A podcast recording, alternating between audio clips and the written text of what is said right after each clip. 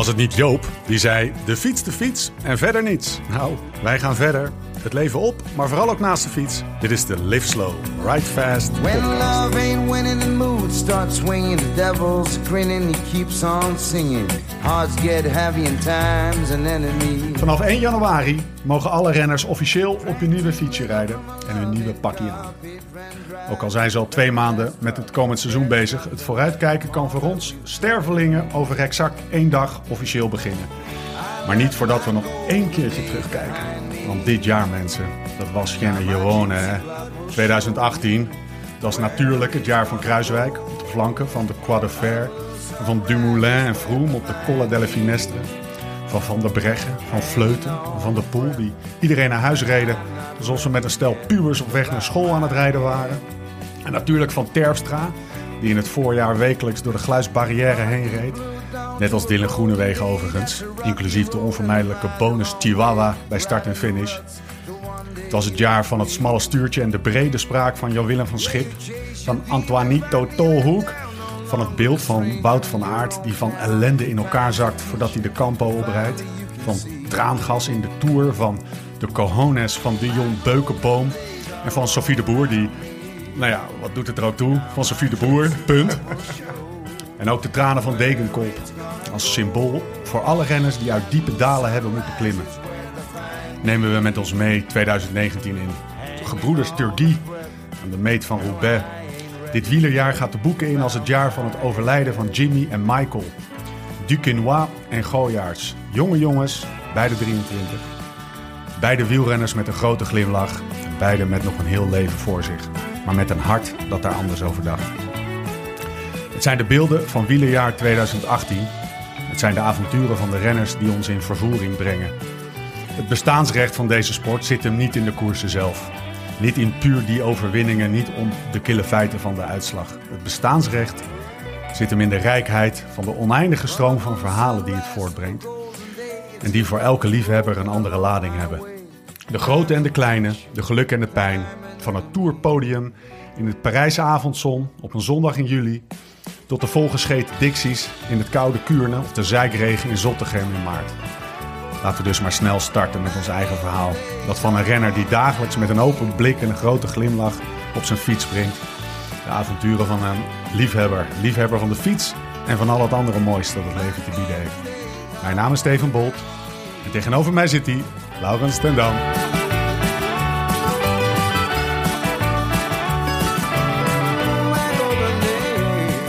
30 december. Ja, Eh, de laatste keer dat we elkaar spraken, gebiedt het protocol mij dan eh, te zeggen, was 1 december. Daar zaten twee afleveringen van de podcast, een strandrace en een podcast ride op Zwift eh, tussen. Ja. Daar zullen we mee beginnen.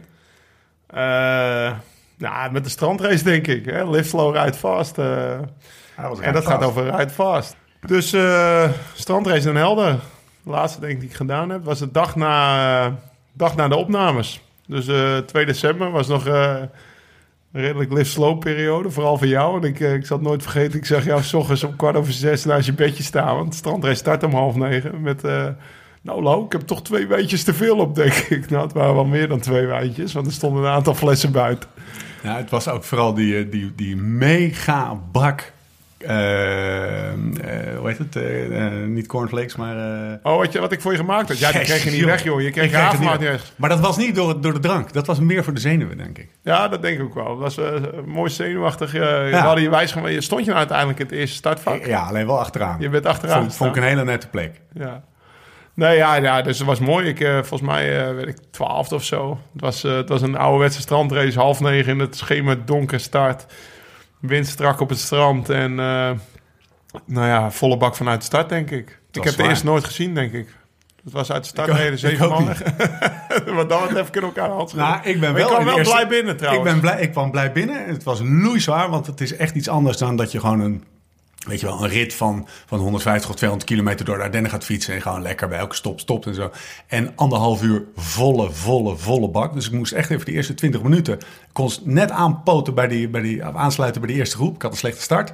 Hele slechte start. Bij de eerste groep ben ik eigenlijk alleen maar gebleven nog. Dus ik was eigenlijk best wel tevreden. Ja. Best wel, uh, Maar snap je nu wat ik bedoel? Dat, wat ik het leuke vind aan die stranden. Je staat er aan de start. Ik bedoel, je komt er aan om kwart voor acht in het donker en het regent. En je, je probeert een bakken koffie te scoren. En je denkt, waar ben ik eigenlijk aan begonnen? Ja.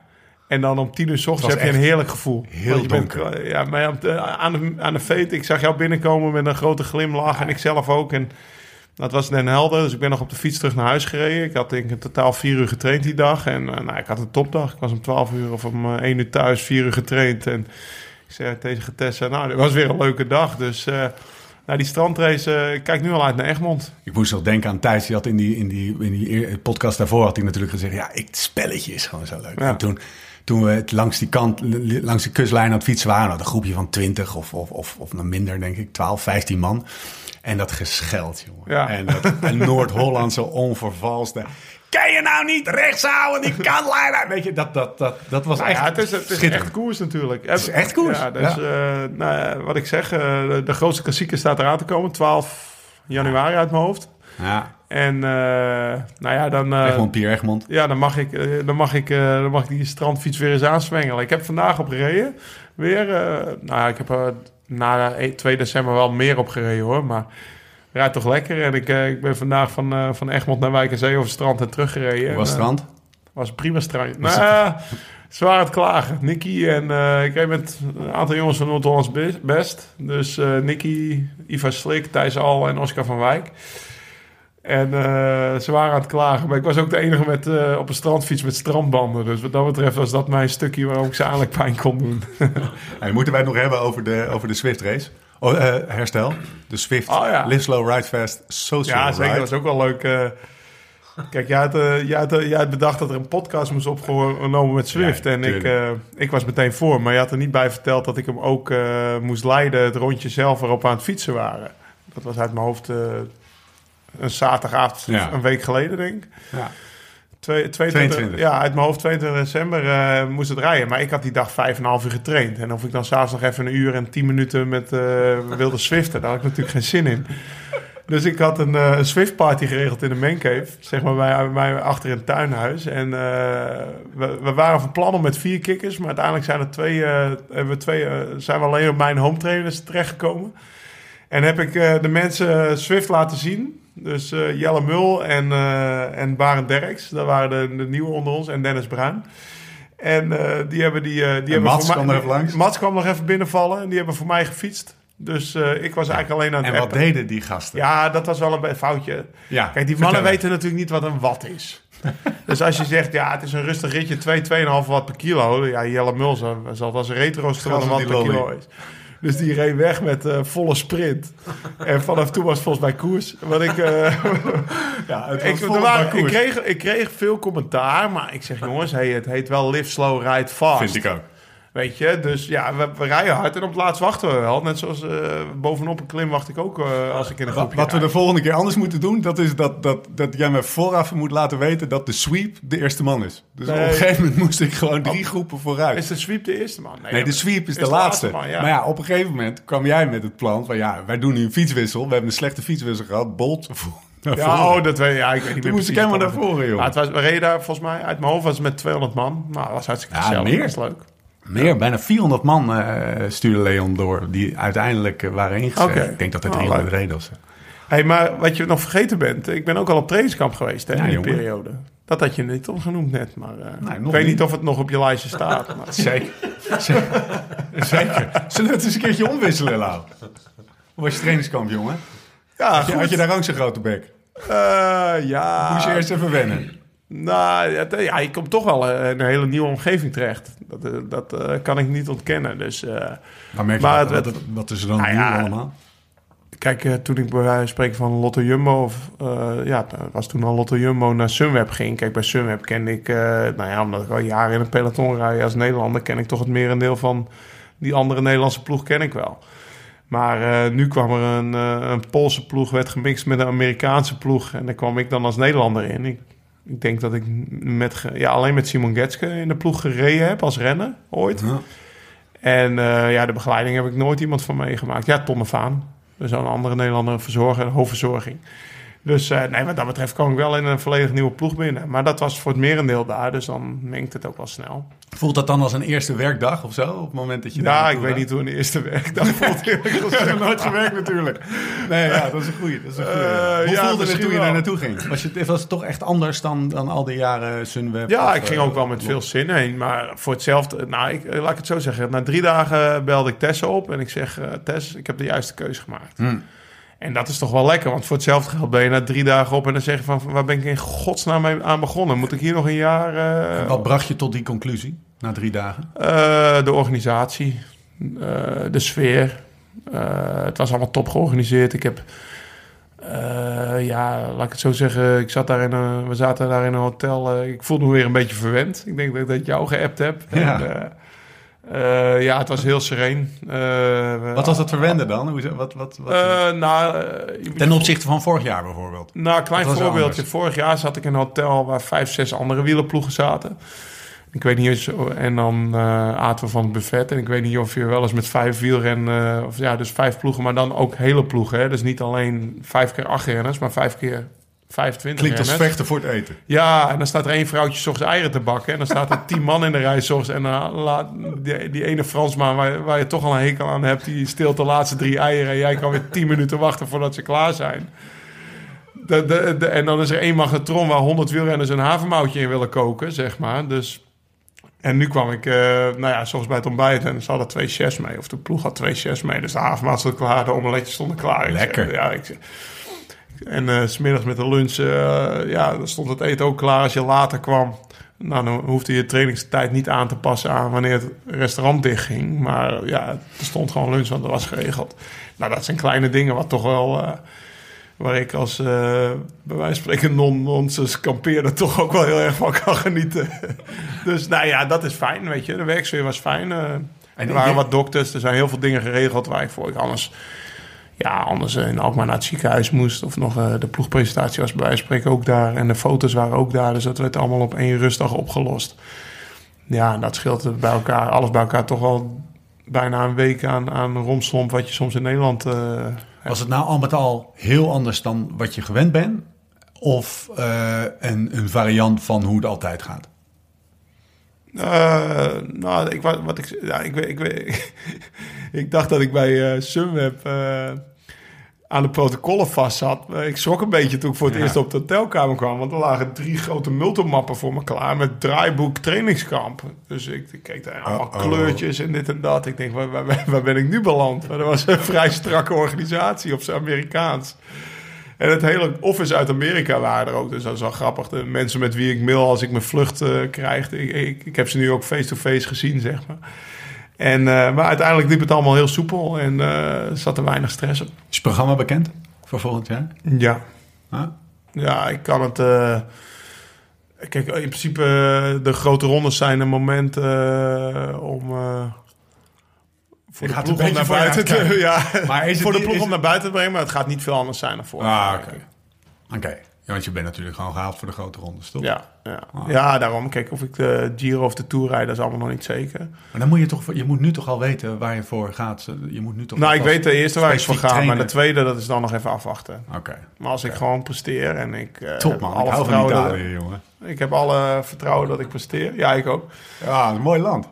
Ja, zeker. Nee, nee, nee, ja, kijk, uh, in principe ga ik wel volledig voor mij. En dan zien we daarna nog wel of het juni of uh, september wordt. Je hebt al uh, meerdere malen laten zien dat je die, die combinatie aan kan. En, en nog één vraagje, um, en, en dan gaan we door. Hoe zorgen, regelt de ploeg iets dat iedereen elkaar leert kennen in zo'n nieuwe ploeg? Ja, we hadden een smoelenboek. Lag ook op mijn bed. Creatieve jongens.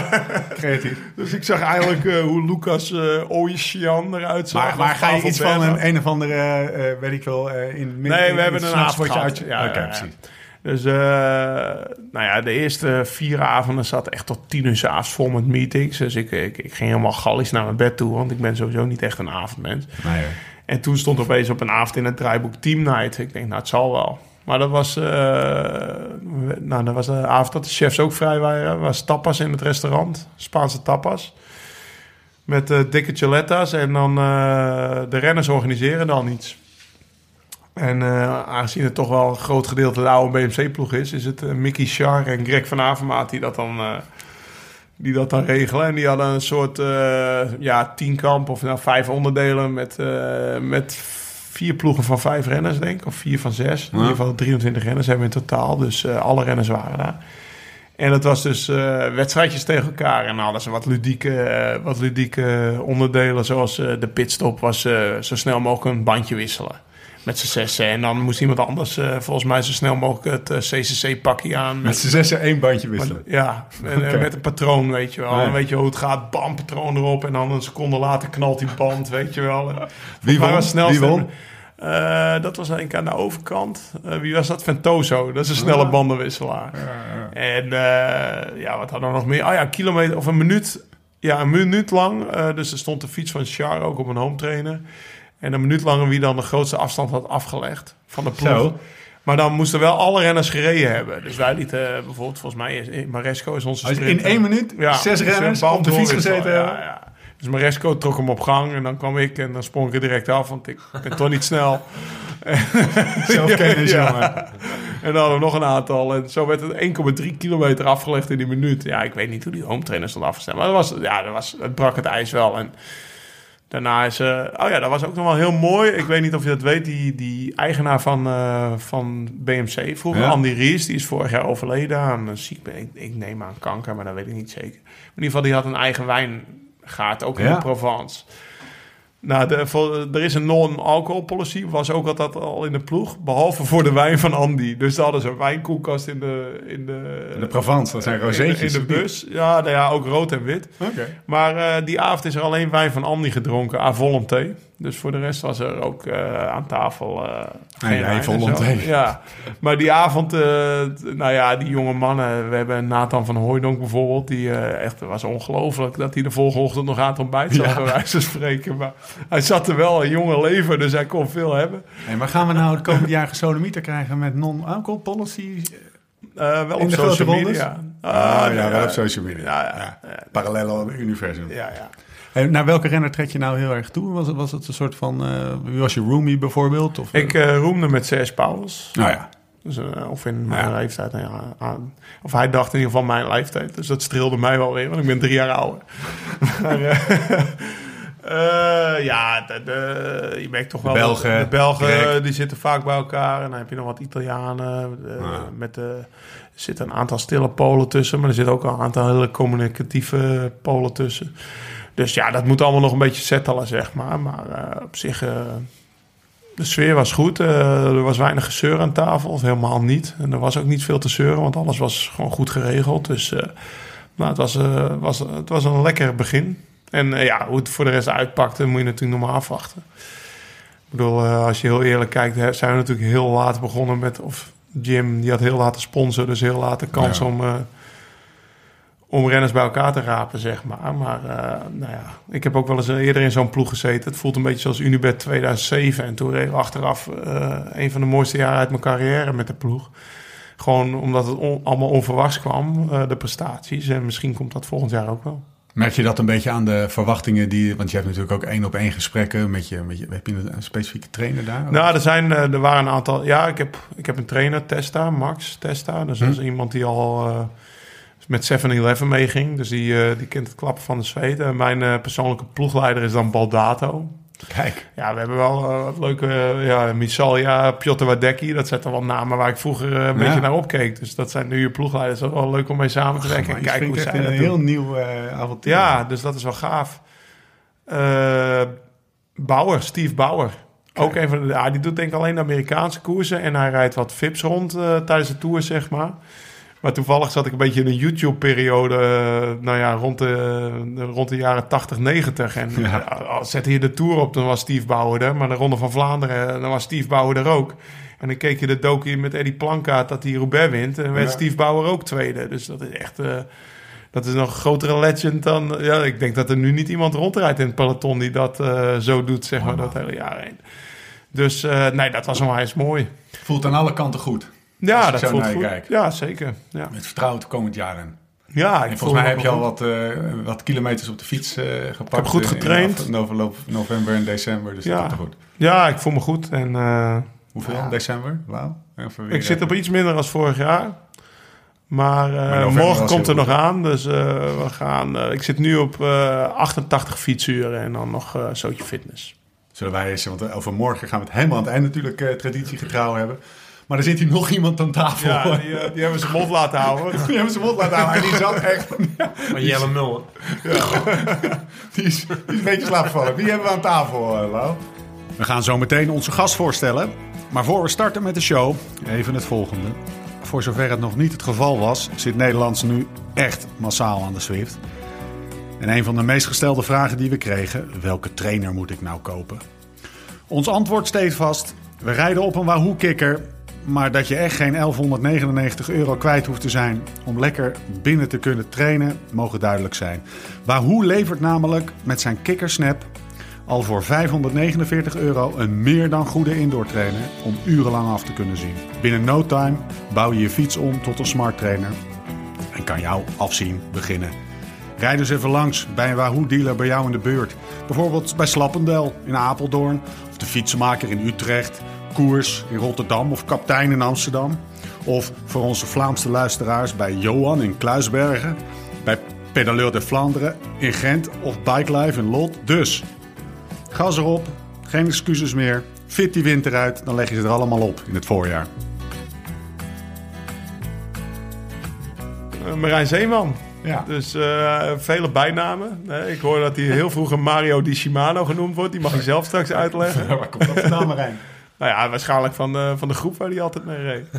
Maar, Mario eh, Shimano. Ja, dat weet ik eigenlijk niet eens waar die bijnaam Die vandaan kan ik komt. zo uitleggen. Die kan ja, ik zo die zal hij zo uitleggen. uitleggen. Maar eh, ja, ik, ja, maar, eh, Marijn, eh, ja, maar, eh, You professioneel... go way back, hè? Ja, professioneel wer- werk ik met hem samen sinds eh, 2013. Ah. Of heb ik eh, tussen 2013 en 15 met hem samengewerkt.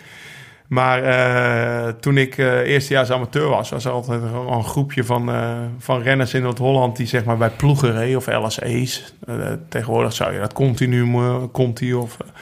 en Marijn was daar een van, samen met Jelle Mul, Bram de Waard, een aantal gasten. En die reden iedere woensdag door Noord-Holland een mooie ronde. En ik mocht een paar keer mee als 18-jarig broekje. En volgens mij reed jij voor Van Hemert of MGI of in ieder geval de ploeg van Van Dongen in het rood. Ja. Dat, is, eh, dat is hoe ik Marijn ken. Al zo lang, dus dat eh, was ik 18, 20 jaar geleden. Ook eh, Alkmaar, hè? Dus eh, ik woon weer terug in Alkmaar. Ja, alleen Maar, hij heeft gewoon ik fiets via Amsterdam de omweg naar het Val gemaakt. Ja, Ja, ja, ja, ik, met een R. Ik, ik ben via Maastricht Nee, terug in outdoor heb jij een mooie rode broek aan trouwens. en Marijn, welkom. Dank. Wat, wat Ja. leuk om je hier ook gewoon bij mij thuis te hebben. Ja, we ja, ja. hebben de locatie nog niet besproken. Laat staan wat we drinken. Wat drinken we, Lau? Barolo. Hupsakee. Hij Dat is was één voorwaarde van Marijn. Barolo. Ja, Een echte goede Ja. gooise jongen. daar werd ik ook lekker meegemaakt. Ja, Zullen we meteen even op die eh bijnaam ingaan? Ja. Ja, ik moet ook even goed nadenken. Maar ik denk dat ik het nog weet. Dat is ook een vriend van, eh, van Lau. Dat is eh, Jan Schilder. Ja. En eh, daar reed ik inderdaad bij in de ploeg. Daar kan je alles over Dongen. vertellen, want die luistert toch geen podcast. Die luistert niet, nee. Nou, jij trouwens ook niet, Marijn. Nee, ik ook niet. Ik ook niet. Vanaf Dit wordt mijn eerste. Ja, ik wist eigenlijk niet zo goed wat het was, maar inmiddels eh, weet ik het. Ik ben ook al 40 natuurlijk. Ehm, maar toen reden wij eh, een wereldbeker ronde de Lizard. Daar was jij ook. Ja. Daar reed jij ook. En er waren die Italianen die reden echt nog in dat ouderwetse pakje met zilveren broeken.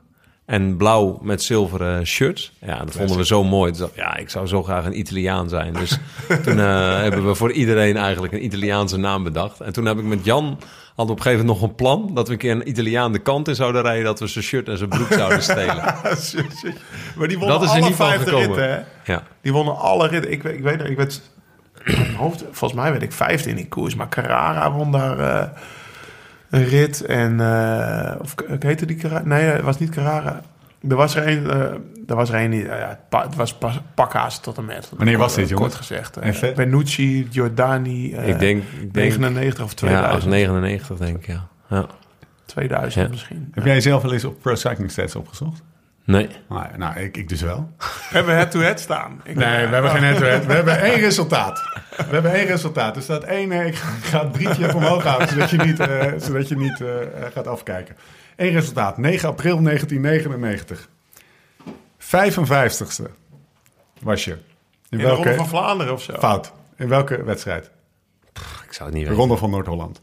Noem één toen, naam. daar reed ik wel lek. Noem één naam. noem één naam van het podium. Dat is een heel mooi In podium. 99 zeg je? Eh, ja, 9 april 99.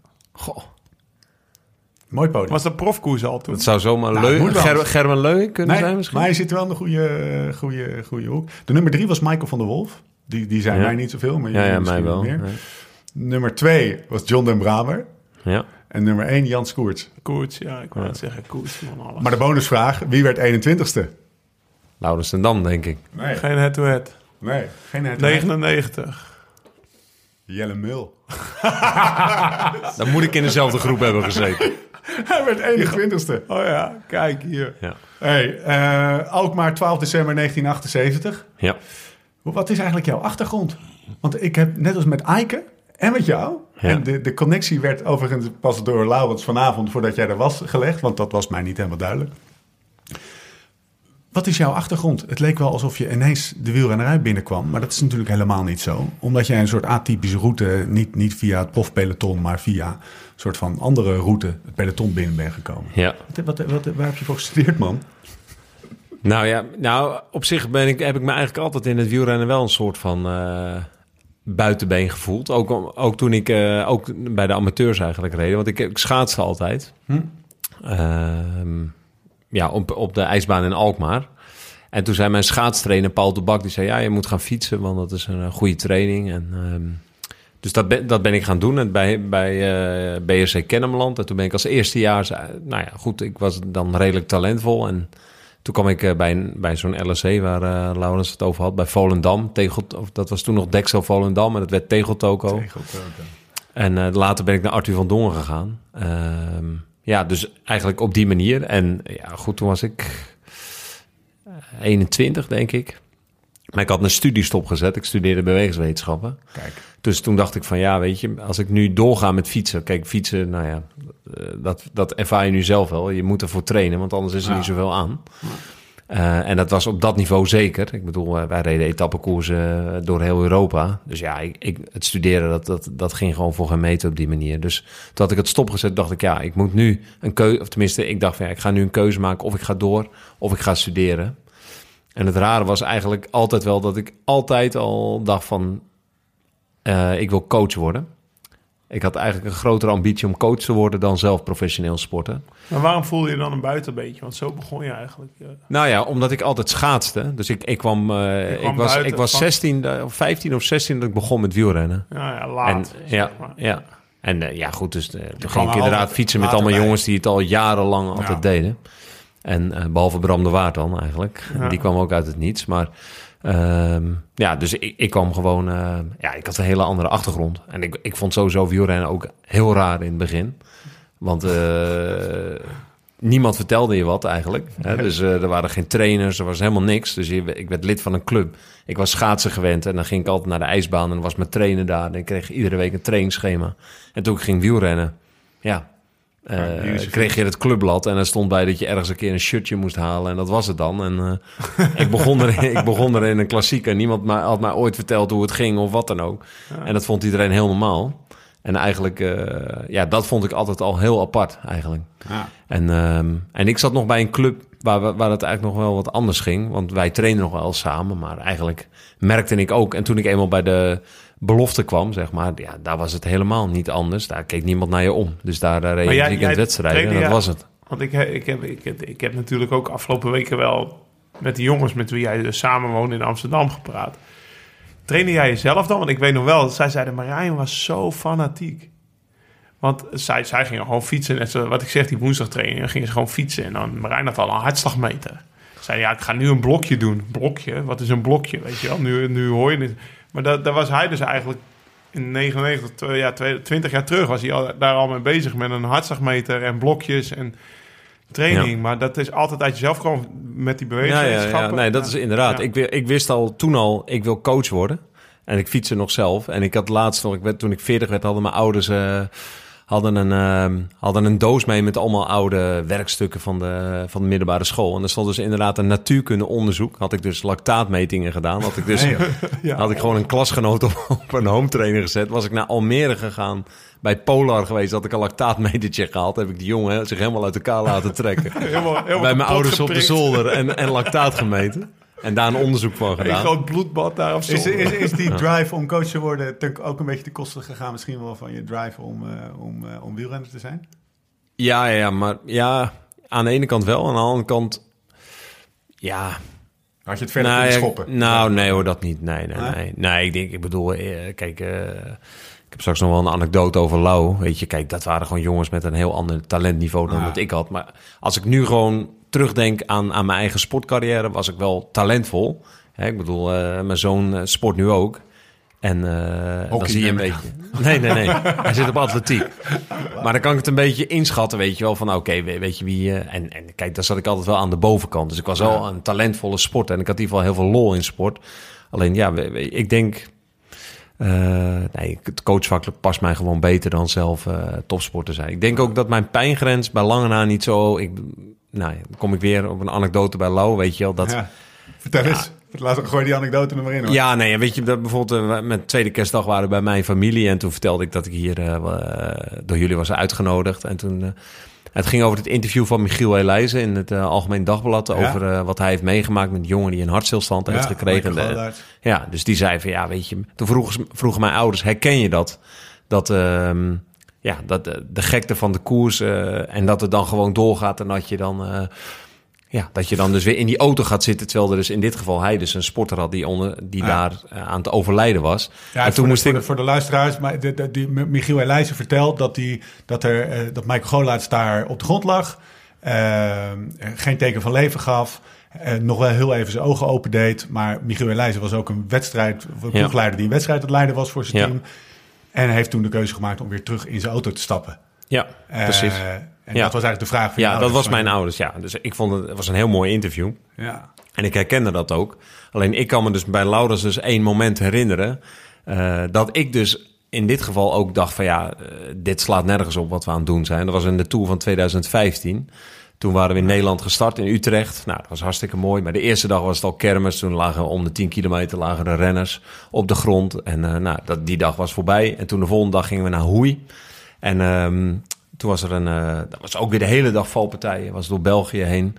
Uh, en dan zit je dus in die auto en dan zie je continu weer een renner en weer een renner en weer een renner. Nou ja, en op een gegeven moment rijden we dus richting, zeg maar, het cruciale punt in dat, op dat parcours waar we vooraan wilden zitten.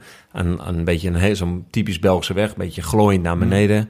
En uh, ja, het is een gigantische valpartij. rechts in het weiland lagen renners, tegen een, val, tegen een lantaarnpaal lagen renners aangevouwen. En ik stond daar met Mark Reef, ploegleider van um, Argos Shimano. En uh, ik zei, ja, weet je Mark, dit slaat nergens meer op wat wij aan het doen zijn. Dit moet gewoon stoppen, want uh, dit, wordt, dit is gewoon... Ik vind dit ver, ver, ver over de grens. Maar daar lag Laurens dus ook bij. En ik zei tegen Lau, joh, weet je, uh, het is klaar. Hij had zijn schouder uit de kom. Hij zat, hij zat al in de ambulance. Ja, weet je, ik voelde, ik voelde me enorm kloten voor hem. Weet je wel, ja, hele jaar keihard voor getraind. Uh, ik zei, ja, sorry man. Uh, Plaatsvervangende schaamte. Ja, het is shit, maar het is klaar. Ja, hij komt die ambulance weer. Ja, het is helemaal niet klaar, het is helemaal niet klaar. ik zei, ja, Loud is klaar. Weet je, je arm uit de kom. Nee, het is helemaal niet klaar. Dus uh, nou, die dokter die loopt achter hem aan. Oh, come back, come back. Ja, nee, nee ik ga niet terug. En zet hem maar weer terug. Dus hij gaat, daar, hij, hij gaat op de motorkap van onze auto liggen die dokter die pakt die arm vast, die trekt die, die arm weer terug in de kom. Ja, echt. Ik, ik heb daar bijna half... Uh, nou ja, ik ging half van mijn stokje, zeg maar, toen ik dat zag. Ja, hij stapt op zijn fiets. Volgens mij deed hij nog nieuwe schoenen aan, want die waren ook kapot. En uh, nou, we gingen weer vrolijk verder. En uh, hij heeft die etappe uitgereden. En ja, dus ehm, ja, weet je, dus, hoe kom ik daarop? Ja, weet je, zo'n pijngrens. Ja. ja. weet je, ik had al lang in die ambulance gezeten van zoek het uit. Dit is, dit is het mij niet waard. Maar ja, dat soort jongens uh, van het niveau van Lau, ja, die, dat gaat dus even een paar schepjes verder. Ja, dus dat is waarschijnlijk niet alleen in zo'n valpartij, maar ook in trainingsarbeid, in alle facetten heb je zo'n zulke grote kloten, als het ware. Om continu, elke dag jezelf maar weer helemaal... Ja. Ik vond dat een mooi... La, wat ik jij- mooi vind aan dit verhaal is... Ja. hij heeft het dus op het gebied van coaching. Wat Ja, precies hij- hetzelfde. Alleen Ja. een ander vakgebied. Ja, ander vakgebied. Maar hij zegt, eh, eh, eh, middelbare school natuurkunde, ik ga lactaattesten doen en dit en dat. En nu staat hij eh Roglic en Steven Kruiswijk eh, bij wijze van spreken op hoogte. Nou ja, ik denk niet dat hij ze zelf meer prikt. Maar misschien ook wel. Maar, Ja. Ik prik ze maar- nog zelf. Nou, hij prikt ze nog zelf ook, weet je. En Dylan heeft hij, eh, traint hij ook. En eh, ja, ik weet hoe die begonnen is. eh, want vol- volgens mij, ik weet niet of er een jaar tussen zat, maar Stichting Win of Team Moes. De, Legendarische de team. legendarische Team Moes, eh, wat, wat begonnen werd nadat Tegeltoken op de fles ging. En Marijn en Eike dachten in Noord-Holland moeten we wel een, een, een wielerploeg houden voor de goede renners. Die dus meer waard zijn dan de club die zegt van daar moet je een shirtje ophalen. Nou ja, het budget was, dat weet Marijn beter, beter dan ik. Ja, dat maar is, dat eh, was achter- niet heel, achteraf Dat mag nu best wel, budget. het is nu verjaard. Maar de, de, Ne- de Nederlandse staat heeft die ploeg eh bekostigd. Want het was voor mij studiefinanciering. Ja, namelijk. precies. Nee, joh. Ja, ja. Ja, we hadden daar een hoofdsponsor die betaalde niet. Dus eh, mijn studiefinanciering Nee, ging joh. op aan die ploeg. Ja, ja. Die heb je gewoon Ja. uit eigen zak betaald. Ja. Een hele wielenploeg. ja, ja, wel een groot deel, ja. ja. Die mannen die de kwamen... tinkel van, La Lettre, man. Ik, woonde, ik woonde anti-kraak in Maastricht. Die mannen die kwamen bij mij slapen de dag voor... eh, ja, En- ja, ik had daar elf kamers. En dan kwam dan Team Moes kwam daar slapen voor de helft van het Mergeland. Dat heet nu de Volta Limburg Classic. Ja. Met Ja. Eike en... Die zaten er allemaal in. eh, het, er zaten in het begin zaten dus de jongens die we net opnoemen. De jongens waar Marijn mee koerste. Alleen dat liep niet zo. Want die wilden eigenlijk volgens mij nog een jaartje lol hebben. In plaats van fanatiek nog hè, alles eraan doen om prof te worden. Dat strookt niet echt met Dat de strookt- ambities van Marijn en dat strookt niet echt in. met de ambities van Marijn en Eike. Maar Nee.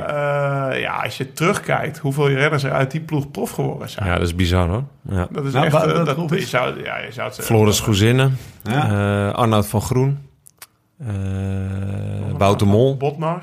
Maciek Botnar. Dus dat is zeg maar de al tweede vier. lichting. Niet Nou ja, maar de eerste, jaar, eh, de eerste jaar die ploeg... Nou ja, er zullen twaalf renners geweest zijn... waarvan vijf, zes eh, afzwaaiers. Ja. En van die andere zes zijn er vier prof geworden. Ja. Dus eh, een oog voor talent had hij toen al wel. Was dat jouw eerste ploeg? Die Ja, ja, want Eike die, die zei, vroeg toen van, eh, zullen we dat samen gaan doen? En ik, ik was de Academie voor Lichamelijke Opvoeding toe gaan doen. En Ja. ja, ja toen zijn we dat op gaan zetten. En dat, ja, dat was schitterend.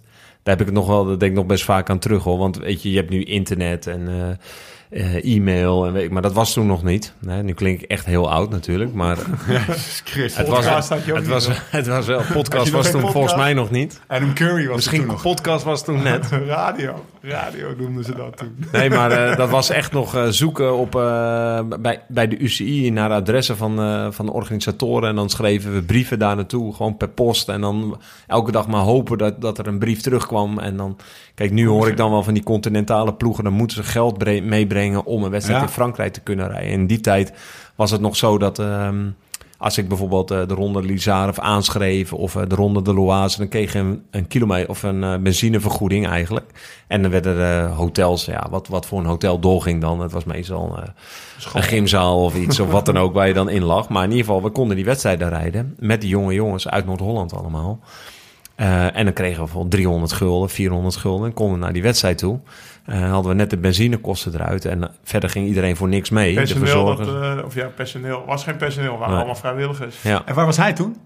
Ik, Ik was al, ik eh, wijs naar- Ja, maar hij is één keer met ons mee geweest. Hè? Hij heeft, eh, toen zat Ik hij heb een snoepreisje eruit geprikt. Tour of Georgia.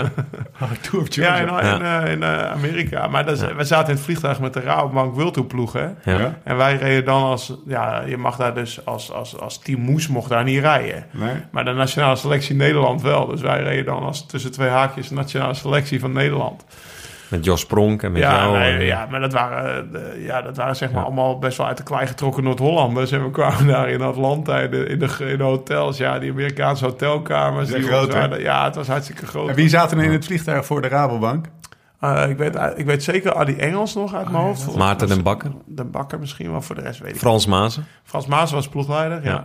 Dus wacht even hoor. Je, je vliegt naar de Tour of Georgia op studiefinanciering van Marijn. Ja.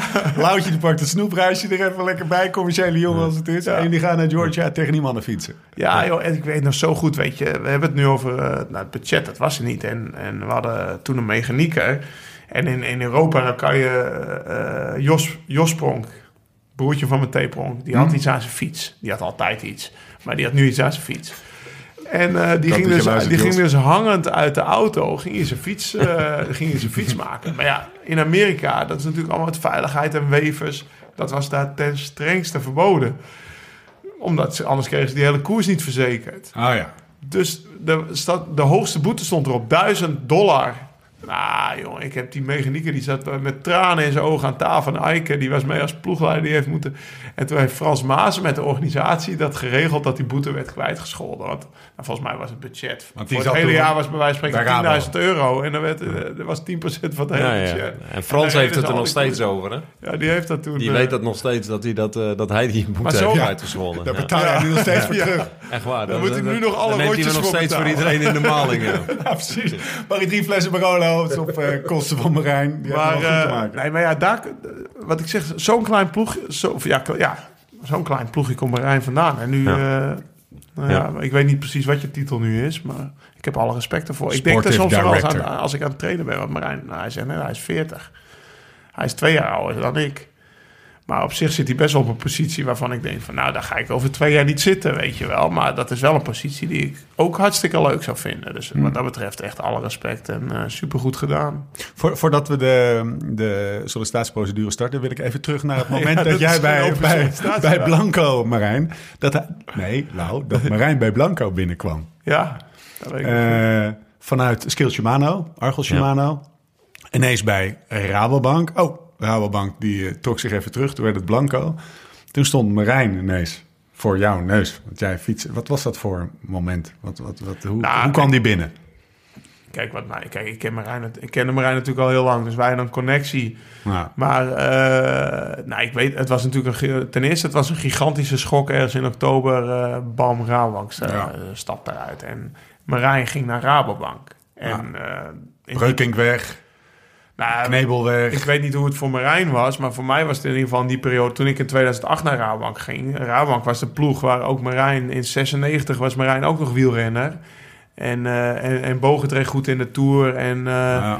en, uh, en Seurissen won de, de Ronde van Vlaanderen. Dat was de ploeg van Nederland. Dus ik wilde graag naar Rabobank toe. En ik neem aan dat toen Marijn in 2012 voor Rabobank tekende... Ja, dat was van Win naar ja. Rabobank... Als, Rabobank te stekken daar. Dat heeft ook heel erg, dat weet ik zeker, meegespeeld bij Sepp van Marken. Die tekenen voor Rabobank. Ja. Maar dat werd Blanco, want dat waren voor veel Belgen, eh, Kevin de Weert zei dat ook, dat was de ploeg, weet je wel. Mooi.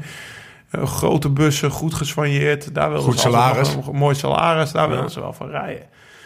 Nou ja, toen uh, kreeg je de hele, ja, die hele klote winter met... Uh, nou ja, zes maanden eruit als je bekende. Uh, die bekende wel, die bekende niet. En Marijn moest dat eigenlijk allemaal in goede banen leiden. Ja. Dus, uh, dus jij kwam ook binnen. Wat ja, dat was gebeurt nou? Een nou ja, het, is, het is wat Laura zegt. Weet je, voor mij, ik, ik, eh, in 2011 had ik al een aanbieding gekregen van Rabobank. En toen heb ik besloten om nog te blijven bij Skill. Ja. En toen uiteindelijk ja, heel veel gesprekken gehad want ik, ik zat natuurlijk heel goed. Kijk, ik bedoel, Rauwbank was voor mij inderdaad ook de ploeg. Weet je, toen ik uh, junior was, uh, ja, was het gewoon een droom om ooit voor Rouwbank uh, uit te komen. Ja. ja. weet je, dat was echt... Waar, waar jij, zal het, jij zal het niet graag, maar het was Ajax van, van het wielrennen. Hè, dat is, um, en als wielrenner was ik niet goed genoeg, maar blijkbaar als coach dus wel. En Alleen ja, dat was achteraf op het slechtst denkbare moment ben ik, er, uh, ben ik erin gestapt. Ja. want jij, jij stapte erin en daarna ging de shit down. Nou ja, ik had, nou ja, goed, ik had al, het was toen tijdens de tour bekend geworden dat ik naar ja. ging. Dat had ik gehoopt dat het nog wat langer uh, stil zou blijven, maar dat, toen merkte ik al hoe dat bij Rouwbank ging. Daar blijft niks stil. Maar het is een, um, het is een slangenkuiltje. Uh, ja. ja. Dus, uh, dat is het nog steeds, toch? ja, nee, dat stilhouden, dat gaat sowieso niet lukken. Dus dat, dat probeer ik al niet eens meer. Maar dat was dus toen ook. Nou ja, goed. Toen heb ik hals over kop iedereen van mijn huidige ploeg gebeld. En uh, nou ja, dat was wel even een dingetje natuurlijk. Maar ja, uh, toen zag het er allemaal nog goed uit. Zouden ze minimaal vier jaar doorgaan. En ik kreeg eigenlijk de opdracht om in feite gewoon een performanceprogramma neer te zetten. En om het uh, op een hoger niveau te tillen. En ja, toen met, was met als ondertitel voor de buitenwereld schoon schip maken.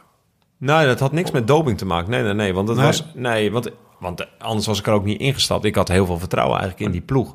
Maar Ik toen, dat eh, het maar toen op een in die goede manier winter dat alles down the drain ging, toen kwam dat Werd ook dat wel opdracht? Nee, maar toen, Ja. toen kwam dat allemaal. Maar toen Ja. ik had getekend, Nee, was het... was het kijk, ik had me daar genoeg over geïnformeerd. En eh, het was gewoon een, een, een prima ploeg, weet je. Die gewoon eh, zero policy, eh, zero tolerance Ja. policy had. En allemaal geloofwaardige renners. Dus ik had er heel veel zin in om eigenlijk met die, met die generatie te gaan werken. Met Laurens, met Gezing, met Boom, met... eh, nou, noem allemaal maar op met Bouke. Ehm, alleen, ja, eh, toen eh, was ik op vakantie in eh, Portugal. Vlak voordat ik eigenlijk zou beginnen bij Rabobank. Want ze hadden mijn contract toen afgekocht bij, eh, bij, bij Skills. Zodat ik eerder kon begon, beginnen. En eh, toen belde Knebel op van, eh, ja, ik heb slecht nieuws. eh, ze stoppen ermee. Dus toen dacht ik eerst, het is helemaal klaar. Dus toen belde Iwan Spekerbrink mij op. je kan weer terug. Dat het plaatje voor je vrij. Eh, maar, ehm, eh, nou ja, goed, konden we toch door. Maar toen begon inderdaad allemaal dat, ja, wat Laurens net zegt, met, eh, met het convenant. En ja, toen zat iedereen er bovenop. En, ja, en wij hadden geen Maar dat was voor jou meer. geen lekkere binnenkomer ook, toch? Nee, Want ik weet nog wel, eerste trainingskamp, Blanco was het toen. Toen, toen, toen deden we ook al die, toen kreeg je die gesprekken voor het convenant. En toen was, eh, Fuerteventura. ja, daar zat toen eh, Marinier of die, die, die chef onder, ondervragen, die zeg maar ook kon zien of je, of je loog, zeg maar. Als je, dus ja, dus Ja? als je, Marijn zat daar, daar zat daar. Ja, Een soort dat een, werkte. leugen, een wandelende Soort- leugendetector. Ja, ja, ja, zo werd hij wel genoemd, bij wijze van spreken. Ja. Ja, dus die zat dan... En die eh, was in, op het trainingskamp, was die. Ja, want... Nou, ik denk dat die pas in, die kwam pas in het nieuwe jaar eigenlijk, hè? Of, ja, In de Ruta del Sol en zo. Maar- maar- was oké, hij ja, ja, ik- maar ik herinner me wel dat ik dat gesprek met hem en Marijn heb gehad. Ja, en eh, nou ja, ik kon het wel plaatsen, maar ja... eh, Die nam jij mee? Of die, die, dat, dat Nee, was nee, ik deel heb- van jouw beleid of zo? Nou, Of nee, best nee, vanuit van mijn beleid. Kijk, eh, uiteindelijk was dat gewoon de, zeg maar, ook boven mijn hoofd beslist van, we gaan dat doen. En eh, ja, ik zat in het management van die ploeg, dus ik, Ja. ook ik moest die gesprekken beleid doen. uit te voeren. Ja. Ja, en, eh, en daar was die, die, die man was daar inderdaad Wat bij. was de gedachte daarachter? dan? Nou ja, goed, in ieder geval... nou, dat Wat- kon- de er was een convenant, eruit er was een convenant, hè? Ja, toch? Ja, er was een convenant van, van de KWU van, Ja. en van de drie Nederlandse teams. Om eh, er in ieder geval te laten zien van, eh, ja, wij doen, er alles aan Ja. om te laten zien. Kijk, ja, nu kunnen we ons er niet meer zoveel bij voorstellen. We zijn inmiddels eh, zes jaar verder. Hè, maar toen, Ja. toen was het wielrennen lag. Kijk, jij wil straks ook nog even eh, met ons over de Tour van 13 praten. Zeker. Maar, maar wij lagen toen echt, we zaten Het gewoon was op niet onze leuk om toen. Hè? te zijn, hè? Nee. Het was echt, Ja, het was een verteld, andere hoor. tijd. Ja, Als ik op de markt liep van Maastricht Ja. met een Rabobank jasje aan nog. ja. Eh, Ja, dat mocht eigenlijk niet, maar ik liep nog wel in een oud Rabobank eh, jasje. Ja, nee, maar... Eh, eh, verkeerde jasje aan, weet je wel. Wanneer ga jij bekennen, Ja. wauw, en dit en dat. Ja, ik, zeg, ik schaam me bijna profielrenner te zijn. Terwijl, in die jaar, wat, we hebben het net over die jaren dat je junior was, of, of weet ik veel. Of de jaren daarvoor. Nou, wat doe jij voor werk? Als ik op een verjaardag was en ze kennen me niet. Nou, ik ben wielrenner. Waar dan? Nou, bij Rabobank. En dan zat je... er- Ik was, niet- bij, uh, bij Ja, Shimano, niemand ja. kende het. Maar oh, Rabobank. Oh, maar de- fiets je ook wel eens tegen Rabobank? Ja, ook tegen Rabobank. Dat was, Rabobank Ja. was, was de top. Ja. Maar dat is dus een ploegleider, super gemotiveerd, ambitieus, die van, ze, van, ze, van de kosten van de staat zegt, die maar dat heb je waarschijnlijk al terug moeten betalen. Ja. Die, eh, die, die, Betaal ik nog steeds terug, hè? Nee, precies. Dat loopt ja. nog steeds. Misschien dan kun je maar zo meteen nog een kleine dat- bijdrage en- doen. En tien jaar later zit hij bij Rabobank. Dat is En toch een mooi verhaal? Ja, dat is zeker een mooi verhaal. Maar dan zit je wel met een marinier naast je. Ja, eh, zie je, zit je schoon schip te maken in een, in een wielenploeg die op zijn gat ligt. Ja. Met een soort van moreel geweten die dat, dat moet aan je geknaagd hebben. Ja, nee, zeker. Maar, eh, ja, het was gewoon niet leuk. Ehm, aan de ene kant, maar het begon wel. Kijk, weet je, eh, wat ik wel... Het- dat was heel vervelend, maar het eerste trainingskamp... want dat, daar was die marinier nog niet bij. Dat was in Fuerteventura. Dat was een goed trainingskamp. Daar hebben wij onze eerste contractonderhandelingen Ja. gevoerd. Wie- wie eh, nou, dat komt zo meteen nog wel. Dat gaat hij zo vast nog wel vertellen. Hou hem even vast, Lau. Maar ehm, eh, daar vond ik juist echt juist enorme eh, wilskracht uit de groep van... Nee, dat Kijk, iedereen was zo gekrenkt eigenlijk. Van, ja, we gaan het wel even laten zien. Dan, eh, Maar reed ook echt een super voorjaar in 13, volgens ja, mij. ja, Ja. zeker weten. Dus het leverde heel veel moraal en dwang en prestatie. Boom die won Ja. de Middellandse Zee al. En, eh Heel, heel even, Ja. ik snap dat, dat, jongens dat het makkelijker is om over die uitslagen te praten. Maar ik wil heel even terug. Wat vroeg die gast aan jou dan? Ja, eh, heb, Die- je wel eens doping, heb je wel eens doping gebruikt? Eh, heb je wel eens nee. gezien? Heb je doping verstrekt aan anderen? Ja, dat waren ja, de twee cruciale vragen eigenlijk. hè? Heb je het wel eens gezien? Ja, dat Ja. heeft hij ook gevraagd. Jesus Christ. En eh, Zijn er toen mensen door de, door de, zonder namen te, zonder namen te noemen als je dat niet er- wil hoor. Ja, Maar wel zijn er Grisha, mensen- Grisha Nieman, die is de enige die heeft bekend Ah. vanuit die vragen. Die, we- die werkte voor de KNWU eigenlijk. Ah, Ja. En, eh, En dat, is nu Kemna, mijn, hè? eh, dat is nu mijn collega. En Kemna bij Argos. Ja, ja. Zo zijn er een Heftige aantal. periode. Ja, Ja. dat was echt niet leuk. Was niet. Hm. Blij dat het nu is. En, en toen, daardoor werd ik ook... Weet je, daardoor was ik ook zo trots op die Tour van 2013. Want eh, de, de stemming in het land, eh, Ja. die draaide 100%. Je was wel, ik was gewoon weer trots om wielrenner te zijn eh, Ja. na, na die Tour. Ja. Heel Ik zat- ik- achter Belkin toen. Ik zat eh, de, die docu nog even terug te kijken. Daar heb ik echt weer van genoten. En ik heb het ook echt doorgegeven naar mijn vrienden. Die hebben er ook weer echt van genoten. Toen zei op een gegeven de moment... Tour van Bouke, die bedoel De. Tour van Bouke, Ja. Eh, ook wel bekend als de Tour van Bouwenlauw. Ehm toen zei hij op een gegeven moment, toen volgens mij Nico Verhoeven, die, aan het eind van de Tour had hij een verhaaltje. En toen zei hij, eh, mag ik wat zeggen? Dat vond ik ook wel interessant dat jij tegen Nico zei, mag ik wat zeggen? Ja, Ah, zo ken ik je helemaal niet. Toen zei hij, we hebben de wielrennen weer teruggegeven aan Nederland. En Ah. dat was echt die Tour. Ja, nou ja, ja ik, ik- hoorde dat ze bijvoorbeeld eh, in een warme huis hebben, Café de Klok. Het Bolletjescafé, nou, daar, daar, daar werd eh, volgens mij die rit naar Alpe d'Huez was op groot scherm.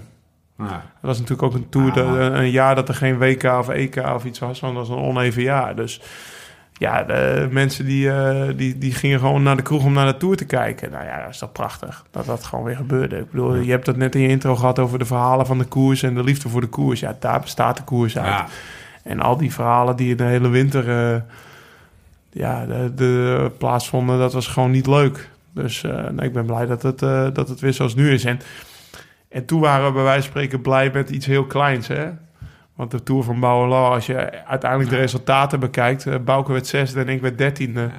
En we hebben een waaierrit als op kop gezet, maar we hebben geen rit gewonnen. Maar ja, als je ziet... Toch dan- luidde het een soort van nieuw tijdperk. nou ja, als je kijkt naar gezien, 2018, vijf jaar verder, denk ik dat als Nederlands wielrennen, Ja.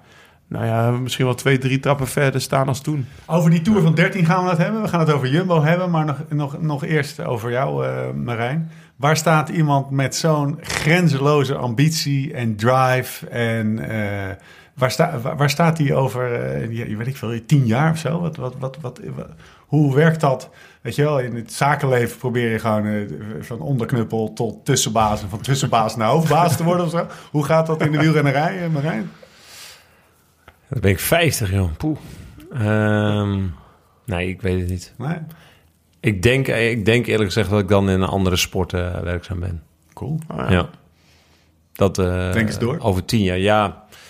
Eh, Voetbal, voetballen. Nee, ja, goed. eh, Het is voetbal. ik denk, Het is voetbal. ik, Ik zie het ook. Het is ik denk, voetbal. ik denk inderdaad voetbal. Ja. Ja. Ja. Ja. Want Over je- tien jaar, hè, dus Ja. dat, is nog, dat duurt nog wel even. Maar, eh, Dus dat is, eh, dan ga je... eh, Ik zei het wel, ik, heb, ik zei het altijd al, er schuilt een voetbaltrainer in. Ja, nou, het is nee, er nee, al nee, gelachen. het is gewoon geen voetbaltrainer. het is feitelijk een, een sport onafhankelijk, deep down is een sport onafhankelijke coach. Wat is dat dan? Ja. Dat, dat is nee, dus- nee, nou, en ik ben eigenlijk in 2011 weet ik nog dat ik bijna gestopt ben. En toen was ik er helemaal klaar mee met het. eh, omdat, omdat ik toen eigenlijk wel heel erg in de gaten had dat het gewoon nog steeds een, een dopingprobleem was in Ja. het wielrennen. En, ehm, en ik werkte natuurlijk bij, eh, bij iemand Spekenbrink. en, en ons beleid was wel heel duidelijk. En toen dacht ik, ja, weet je, dit klopt niet wat er, ehm, wat er nog gebeurt. En ehm, om echt de absolute top te kunnen halen. Ja. Dus wat dat betreft vind ik nog steeds dat eh, die, die winter van 2013 was, was heel pijnlijk, zeg maar. Omdat er op bepaalde... mom- ja, ook, ook voor sommige mensen gewoon eh, niet fair is geweest, denk ik.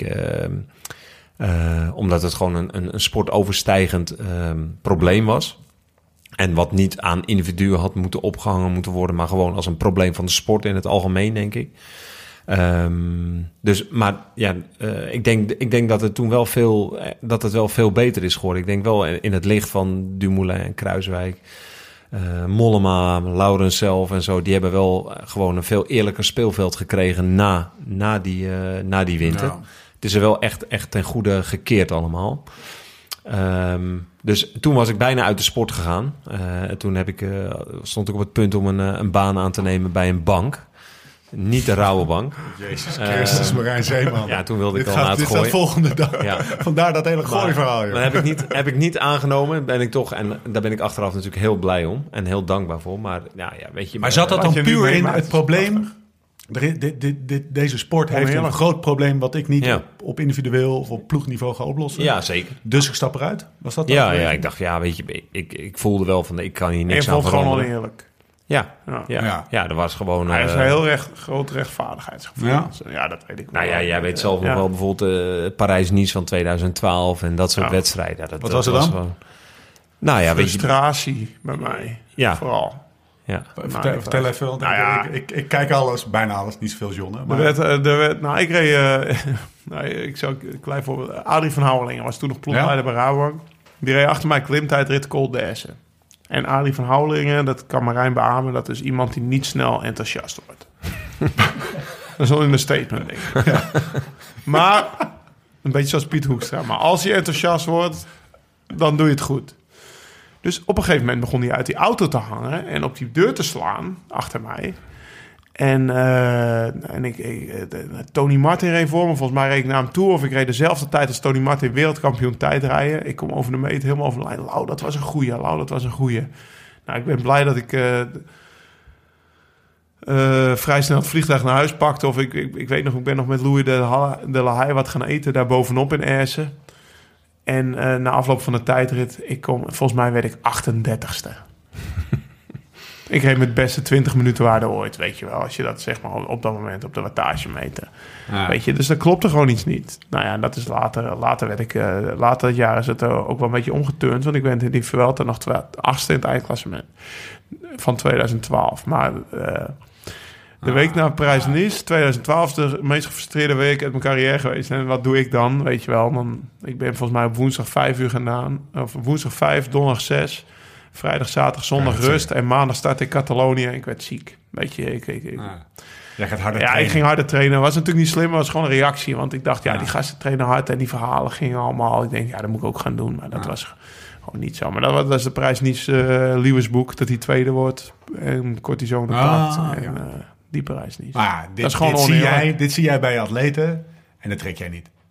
Nee, ik, ik vond het toen... ehm, ja, eh, bij mij ging gewoon de lol ervan af. Ja. Eh, want dat was het jaar eigenlijk dat, of zeg maar, dat jaar zat ik ver- heel veel in Spanje. Want wij hebben toen, eh, ja, weet je, bij heel veel, echt die jongens kwamen eigenlijk bij Tourbeurt bij mij in Spanje. Ik zat Ja. toen, ik woonde in feite in eh, Altea toen. Ja, weet je, op een gegeven moment dacht ik, ja, wat moet, wat moet ik nog meer doen? En toen had ik ook al heel veel contact, ook al, overigens met Louis Delahaye en Mathieu Heijboe van Ja. Rouwbank en zo. En Die Spaanse fysiologen. ja, dus qua training en zo. Dus ik dacht, ja, doe ik dan iets fout? Of eh, zitten we helemaal mis? Of eh, ja, daar kwam ik ook wel achter. Dat is het ook niet. Er zal gerust nog wel hier en daar wel, wel wat anders kunnen of beter kunnen. Of we zitten niet heel erg mis. Maar we, kwamen, we werden gewoon helemaal weggereden. Echt helemaal weggereden. Terwijl we eigenlijk dat seizoen al dachten van, nou ja... eh Degenkop zat toen bij ons en Kittel. En eh, ik dacht, nou ja, goed. En Alexander Genies, die ook later Mm. nog een rit won in de Vuelta. Dus eigenlijk best wel een goede ploeg. Maar we kwamen er helemaal niet aan. Echt helemaal niet aan. En daar hing ook weer een, een wildcard van de Tour de France aan vast en zo. Dus ja, weet je, ik dacht van ja, goed. Ik ga het in ieder geval niet kunnen draaien. En, Volgens mij eh, werd JS 20ste of zo, die klimtijdrit. Ja, hebben wij dat zou kunnen, verteld. ja. ook gewoon. Dus Dat ja. was het kantelpunt. Waardoor je zegt, nou, weet je wat? Ja, nou ja, Dit het is, een eigenlijk, het is level een playing beetje wat ik denk dat het daarna wel normaler werd toen. Want, want toen eh, in de Tour was het al, was het al een stuk anders. Ehm, en, en richting de Vuelta werd het al een stuk beter. En ja, eh, in die Vuelta kan ik nog herinneren dat Robert en Laurens allebei top 10 eh Nou, reden. Robert werd zesde en ik werd achtste. Ja, Was dit vijf? Maar dat was een beetje- 2015? 2012, 2012. Toen zat ik nog Oh, niet bij 2012, Rauwbak, maar toen ja. zag ik Ja, dat. dacht precies, ik, oh, ja. maar wacht even, weet je. Volgend jaar met die jongens ja. werken, dacht ik. Ja, nou ja, zeker. Toen heb ik nog met Adrie gesproken inderdaad. Ga met Lau praten. Ja, maar die, die Vuelta wonnen wij overigens vijf etappes. Een Ja. klein, Ja. klein detail. Maar, eh, precies. Zij wel. net, Klein Chicken detail. chicken high, chicken chicken high, chicken chicken chicken chicken chicken chicken. bergop werden we nog steeds naar huis gereden, maar we wonnen wel vijf etappes. En wat zat ze haar goed. Ja. Nee, nee, het was John. Oh, dit was Degenkop. dit was. Degenkop, ja. Dit was. Degenkop. Ja. Dus dat was een hele mooie Vuelta. Ja. Hey, maar wat ik, wat, wat vroeg, eh, Stefan vroeg net naar, naar de ambities, hè? En eh, ik weet bijvoorbeeld, eh, ja, jij, jij hebt de Kruif Instituut gedaan. Heb ik afgelopen jaar ook gedaan. Dat was volledig op, op het gebied van coaching, hè? Wordt dan echt veel geleerd. Maar ik weet, je hebt ook Nijenrode gedaan, richting business meer. ja. En maar ik heb het idee dat je nu weer meer richting coaching zit bij de ploeg. Of zit ik mis? Ja. Of, Nee, nee, nee, ja. Ben je daar, vind je dat nou uiteindelijk toch leuker? Of, Bemoei me overal mee. Ja. nee, kijk, eh, kijk, jij bent in 2015 weggegaan. Ja. Nou, en, en dat was een, voor ons natuurlijk als Klote, ploeg een, ja. een klote jaar. En daar zitten grotere, grote oorzaken bij. Ik bedoel, dat heeft nog, had nog steeds met het terugtrekken van rouwbank te maken. Dat we eigenlijk in drie jaar tijd van ehm mega budget naar een minimaal budget gingen. Ehm, maar ja, het had er ook wel mee te maken. Uit, ik ben in twee, eh, denk ik, wanneer? In, te- eind- in 2016 ben ik Nijenrode gaan doen. En toen kreeg ik de kans bij de ploeg om eigenlijk gewoon overkoepelend met het algehele beleid mee, eh, mee te gaan bemoeien. En ja, daar zat in het begin ook nog commerciële dingen bij, marketingdingen bij, organisatiezaken bij. Ehm, omdat eigenlijk mijn grote frustratie in het begin was dat er heel veel dingen eigenlijk gingen zoals ze gingen. En ik daar helemaal geen enkele invloed op had. Ehm, ik was altijd wel met de sporters bezig, maar eh, op trainingsgebied deed ik wat. Op ploegleidersgebied deed ik iets. Algemene organisatie deed ik iets, maar nergens de algemene verantwoordelijkheid. En ik denk, ik ben er nu wel achter gekomen dat als ik zeg maar het beste functioneer, als ik me met het algeheel kan bemoeien. Dus met alles. En op een gegeven moment dan zet je een trein in gang. En dan gaan er bepaalde dingen lopen. En dan kun je een stap naar achter doen. Dan heb je goede dus mensen. je zet het op. Ja, en nu hebben we heel veel goede mensen binnen het team.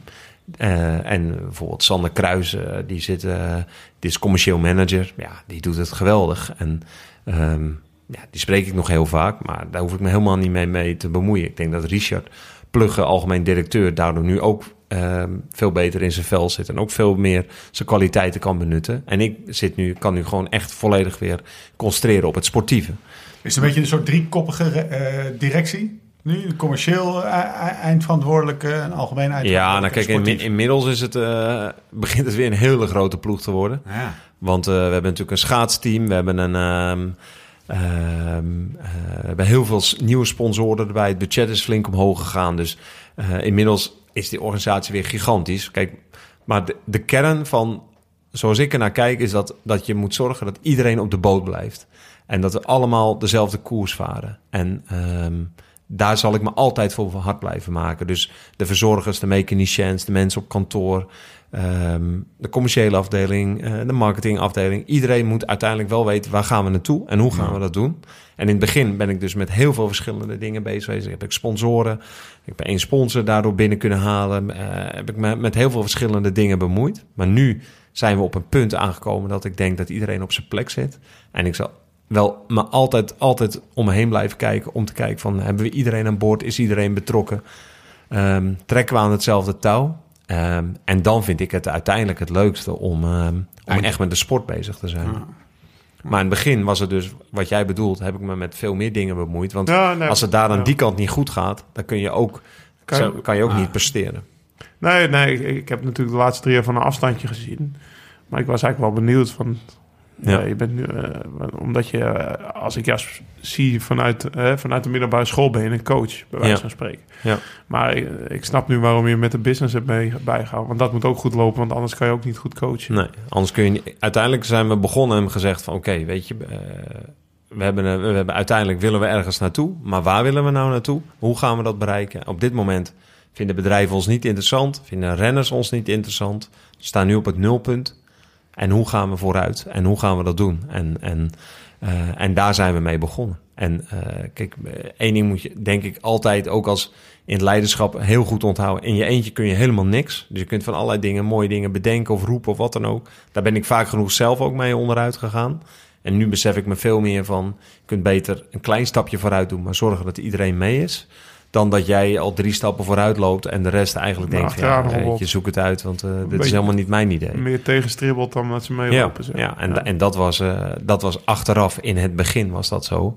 En ik denk, nou, laten we zeggen, eind 2016 zijn we op die manier vooruit ge- gegaan. En, eh, en nu hebben we iedereen op de boot. En, ja. Het gaat ook hartstikke goed, toch? ja, maar ja, goed, dat hoorde ik bijvoorbeeld vorige week of twee weken geleden bij de presentatie ook. Maar ja, weet je, het valt nu op, maar het is altijd al zo. Kijk, de grote stappen zijn eigenlijk al genomen, terwijl niemand nog keek eigenlijk. Eh, en dat is bij ons ook zo. We gaan het zo meteen over Jumbo hebben en wat het, wat het succes verklaart. Maar kun je nog even een, ik wil even een stukje voorlezen. Praten we even voor mijn uit beurt. het boek, uit het boek van El ten Dam eh, uit Alkmaar. Het ligt bij de Rams trouwens, hè? Of het is verramst. Zeeman wordt gebeld. Het is Laurens. Wat zeg je? Je wilt alvast een broodje? Moet je even aan Dries vragen. Ik ben nu over jou aan het roddelen. Dag. Zeeman hangt op en vertelt over de eetgewoontes van Ten Dam. Lau is een aparte. Zo kwam hij dit jaar in de ronde van Catalonië in een afdaling naast me rijden. In de zijkregen, 60 per uur. Marijn, heb je een Snickers voor me? Grappig, Laurens. Wat wil je? Een bidon of een jelletje? Snickers! riep hij weer. Meen je dat nou echt? Ik heb nog nooit een renner bij me gehad om een Snickers. Ik zat net toevallig zo'n mini-Snickers te openen. En gaf die maar aan Laurens. Heb je geen groter, hè? Toen werd ik pissig. Lau, luister. Ik heb je net de Snickers gegeven. Ga je nog suiker voor een grotere. En weg was hij. Nu nog morgen, of no- eh, nog erger. Eh, morgen gaan we de Alp de Wes op. En dan wil hij een colaatje eh, in de auto hebben voor hem. De klim zit aan het begin van de etappe. Maar hij wil per se een blikje hebben. Omdat het Alp is. Diva. Nee. Wat is die Laurens voor eentje? Dat is geen gewonnen, hè Marijn? Dat is geen gewonnen. Wat is dat voor gozer in het peloton? Hoe zou je hem typeren? Ja, dat, ik- dat is wel echt wel... ehm, daar kunnen we wel een podcast over vullen. Ja, een podcast over Laurens en dan. Jezus. Want dit is het boek inderdaad dat, eh, van, van Robin van der Kloor, denk ik. Hè? Toch? Ja. Bedoel Ja, je toch? ja. Ja. Ehm, en ik kan, het, ik kan het me inderdaad nog goed herinneren. Maar ik weet nog wel dat... eh, want, want Laurens die, die trainde niet bij, eh, bij mij of bij Louis of bij Mathieu. Dus die had zijn, eh, zijn eigen trainer. Nou ja, dat is, al, dat is natuurlijk altijd even slikken. Hè? Want ik bedoel, echt, ik, ik hang echt filosofie aan dat je als team verantwoordelijkheid neemt en, en zo goed mogelijk je sporters begeleidt. En hij, eigenwijs als die is, had natuurlijk zijn eigen trainer. Dus ja, Bij jou heeft begin iedereen denk je dan een nog- ploegtrainer. Ja, ja. Ja. nou ja, goed. Ja, maar dat was dus, ja, je hebt ook oude rechten en, Hmm. en daar was hij er een van. Maar ook bij Skill was Roy Curvers, die had dezelfde, of heeft dezelfde trainer als Lau. Maar dan denk je van, nou, daar kunnen we altijd nog wel een paar gaten in schieten natuurlijk, hè. Want ehm, eh, eh, hij, het zal echt niet zo zijn dat hij een betere trainer heeft dan dat ik eigenlijk er verstand van heb. Maar als ik dan nu, ehm, eh, wat is het, vijf jaar later, zes jaar later, dan denk ik van ja, verdomme, weet je. Maar hij deed de dingen wel al echt goed. En ehm, Wat dan? ja, een beetje eh, bijvoorbeeld al eh, in die Tour in 2013, ja, dan ga ik weer het gras voor je voeten wegmaaien. Ja, ja. Maar dan, daar heeft hij wel, denk ik, in de eerste, eerste gedeelte van de Tour heeft hij bijvoorbeeld misschien soms wel een soort van negatieve energiebalans eh, gehad. Eh, dat hij wat minder energie tot zich eh, nam dan dat, dan dat wij normaal zouden doen. Want ja, koers en veel, veel energie. Dat hij nog, misschien nog wel een kilootje is kwijtgespeeld. Dat weet ik niet. Dat, dat, weet, dat zal hij straks wel gaan vertellen.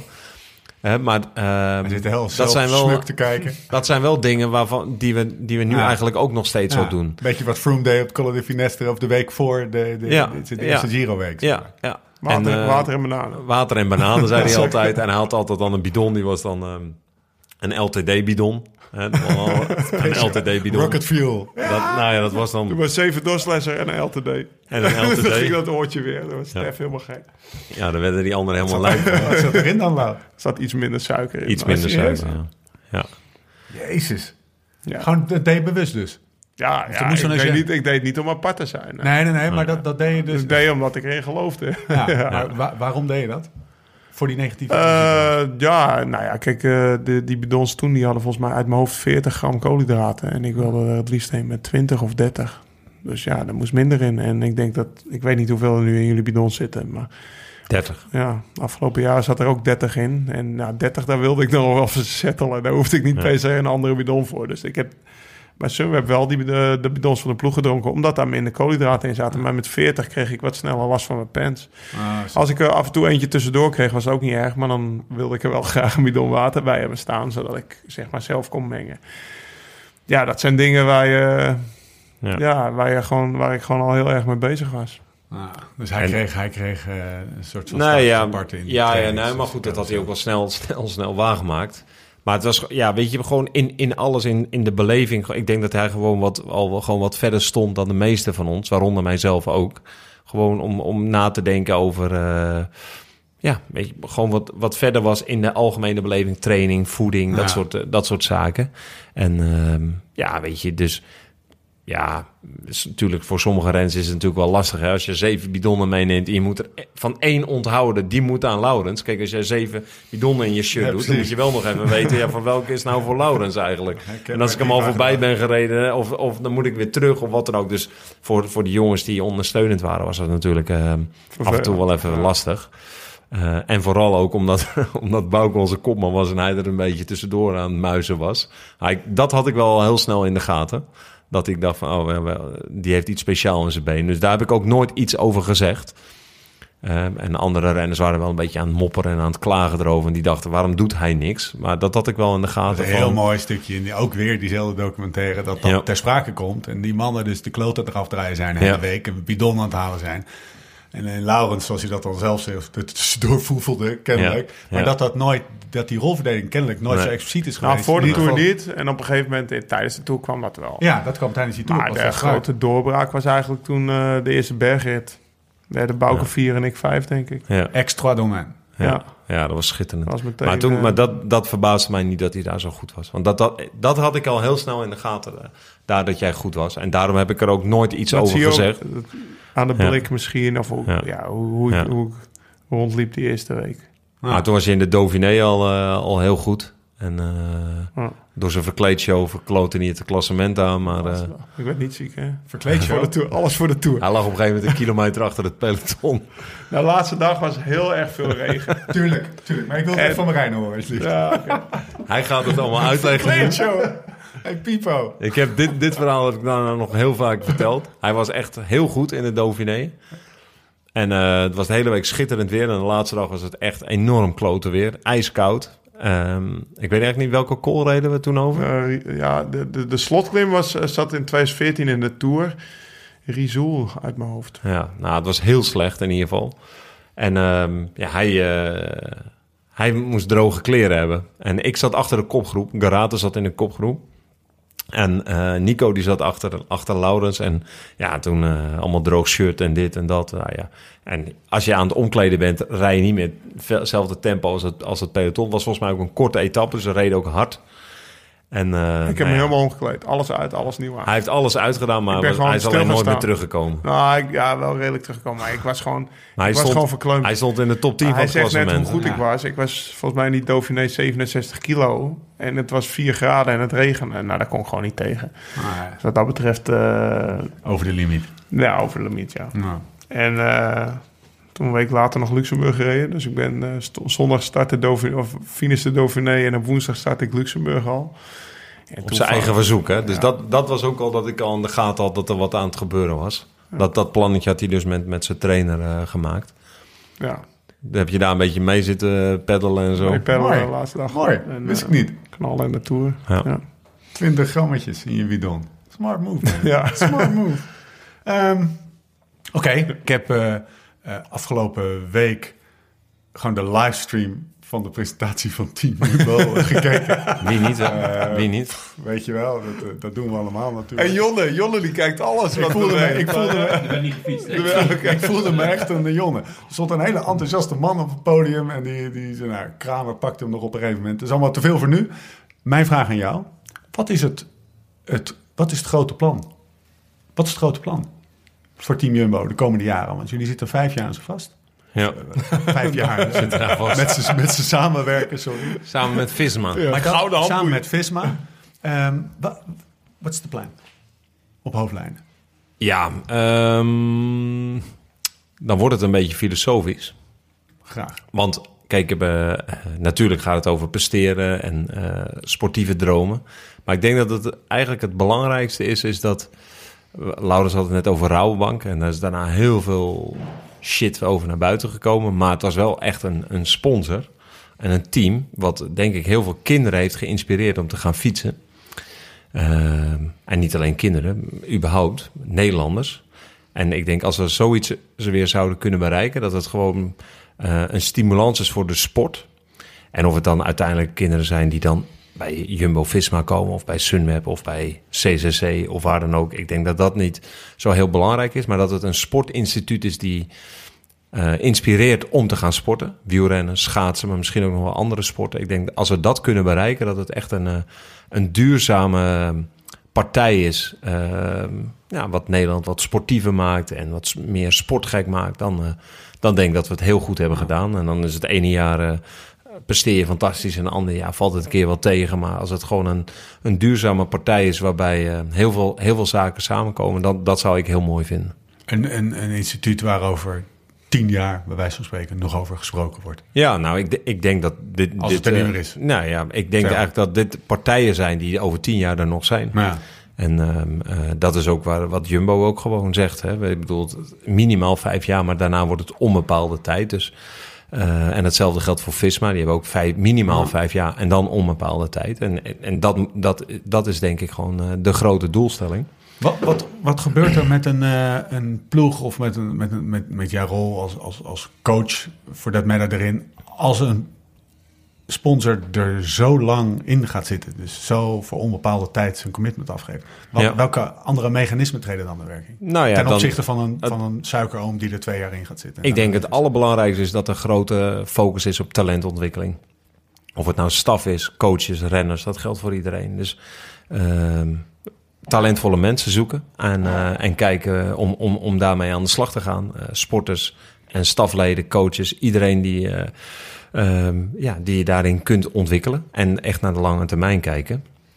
Ehm, ja, dat is eigenlijk het belangrijkste. Dus er ontstaat rust, ja. want iedereen ehm, ja, weet gewoon van, nou, oké, als ik maximaal presteer, dan is er voor mij nog plek. Ja dat is ook een gevaar. Hè? Dus dat, is, dat is denk ik ook wel iets wat bij de Rouwbank niet goed is gegaan. Maar daar zijn wij heel alert op. Uh, maar wij hebben geen uh, talentontwikkelplan nog. Uh, en dat, dat is wel een heel belangrijk focuspunt voor de komende jaren. Wat is dat gevaar? Nou ja, een beetje... Be, renners lui worden? Nou, renners niet. Want dat, dat zijn altijd bepaalde Renners die tijden. hebben contracten voor 1, 2 jaar. Ja. Maar begeleiding, dat, uh, bij Rabobank dat was op een gegeven moment... Ja, ik weet niet hoe het precies werkt in Nederland met de flexwet... maar dan heb je ook volgens mij een contract ja. voor onbepaalde tijd. Ja. En je mag voor twee jaar voor onbepaalde tijd of voor Nou ja, maar er zitten al mensen 20 jaar. Er zitten al mensen vanaf ja. Bukler. Ja. Bij wijze van spreken. Dus ja, die, dus dat, ja. Dus ja, dan, dan, krijg je, dan krijg je misschien wel... Uh, ja, uh, ik zit hier lekker en denk ik... Ja. Wat gezapig misschien. Of, ja, nou, je moet er gewoon een performance dynamiek in houden. Dus echt wel gewoon... Ja, continu ieder jaar weer bepalen waar willen we beter in worden, waar gaan we naartoe, uh, uh, wat is jouw bijdrage eraan, waar dit ga jij in mooi wat hij zegt, hè? Dit uh, dat mantra wat hij nu, wat hij nu optreedt. Ah, performance dynamiek. Nou, nee, tegen mij zei hij gewoon, of de, tegen zijn renners vaak, beter worden, beter worden, beter worden. En dat zit af en toe nog wel in mijn kop. Als ik een of andere kut, of nou, ja, gewoon een, een, een, een zware training moet doen, of een slechte interval, of fiets ik bij wijze van spreken naar de IJzeren Bos en dan denk ik beter worden, beter worden, beter worden. En had ik hem niet moeten leren. Nee, maar dat, uh, nou ja, de laatste jaren is het misschien uh, niet te ver aftakelen, niet te ver aftakelen. pak je rust, pak je rust. maar, nee, maar dat zit nog in mijn kop en dat is, dat is wel, dat is topsport, weet je. En daardoor zit hij bij, nu gelukkig niet bij een bank, maar nog bij uh, Lotto, Lotto Jumbo of Jumbo-Visma, wat, de, de, wat het ja. nu volgend jaar is. Maar dat is topsport. Iedere dag beter willen worden. En nou, daar was ik bij wijze van spreken in, in 13 ook al mee bezig. En, ja. en uh, daar ben ik nu voor mezelf misschien iets minder mee bezig. Want ik heb keuzes gemaakt. Ik woon, woon in Alkmaar. Daar woon je, woon je in principe geen betere wielrenner van. Maar wel betere papa, vader, familieman. Maar uh, de renners om me heen, of de, de renners waarmee ik werk of samenwerk, of, hè, als ik die de keuzes voorhoud, dan, dan, dan is dat wel wat ik in mijn achterhoofd heb. Beter worden, beter worden, beter worden. En daar hoort ook je thuissituatie bij. En nou, daar hoort alles bij. Maar dat, die insteek, dat ja. is wat Marijn is. Ja, maar dat is jouw mantra. Beter worden, beter de, worden, beter worden. Dat is het cultuur, het instituut dat je neer wil zetten. Wat, hoe vertaalt zich dat naar, uh, naar volgend jaar of de komende twee jaar, zeg maar middellange termijn? Gaan, wat, wat is de, ja. Want ik, ik vind altijd, hè, als je, als je, je, waar ga je, er is altijd gelimiteerd budget. Hoe hoog het ook is, zelfs bij Sky. Ook al gaat daar nu natuurlijk een andere wind waaien of, of, of, of er wordt weer een nieuwe Valt de wind weg. De, ja. ja, precies. of, maar de, de, de, er is, het is per definitie gelimiteerd. Dus ja. het, je, je moet als, als, als ploegleiding keuzes maken. Welke keuzes maakt Jumbo dan? Is dat dan de wetenschappelijke route of de voedingsroute of de trainingsleerroute of de cultuur? Welke, wat, ja. Of is het alles? Ja, ehm, nou ja, dat is een hele goede, goede vraag. Want ik, ik denk eigenlijk op dit moment hebben wij geen budget-issues. Want we hebben, uh, we hebben onze selectie rond, tot en met 20 eigenlijk. Uh, wow. dus, dus dat is... Uh, en ik ben dik tevreden met het team wat we hebben. Yes. En, wow. en het is eigenlijk wat, wat Lau zegt. we dromen van het podium in een grote rol. dat is al heel, heel, heel lang geleden dat, dat, dat dit team is gelukt. Dus dat is een hele grote stap. Um, in monumenten, klassiekers, ja, doen we helemaal, hebben we eigenlijk de laatste jaren, laatste jaren helemaal niet meegedaan. Dus daar hebben we de wereld te winnen. Alleen, um, nou, dan, daar kunnen we het nu even snel over hebben. Maar dan is het echt gewoon alleen maar belangrijk. Wat staat er vanavond op Training Peaks? Ja. Uh, dat is eigenlijk het enige belangrijke. Ja. Want um, uh, daar moet het gewoon gebeuren. Gewoon met de omwentelingen op de fiets. Uren maken. Um, zorgen daarbij dat je de goede voeding hebt. Um, dat is het allerbelangrijkste. Als je dat voor elkaar hebt. Dat, en, en dat is eigenlijk kortweg waar ik iedere dag mee bezig ben. Ja. Uiteindelijk is het heel simpel. Je moet goed trainen. Veel trainen. Hè? Ja. Goed eten. En genoeg rusten. Dat zijn de ja. drie pijlers waar het om draait. Ja.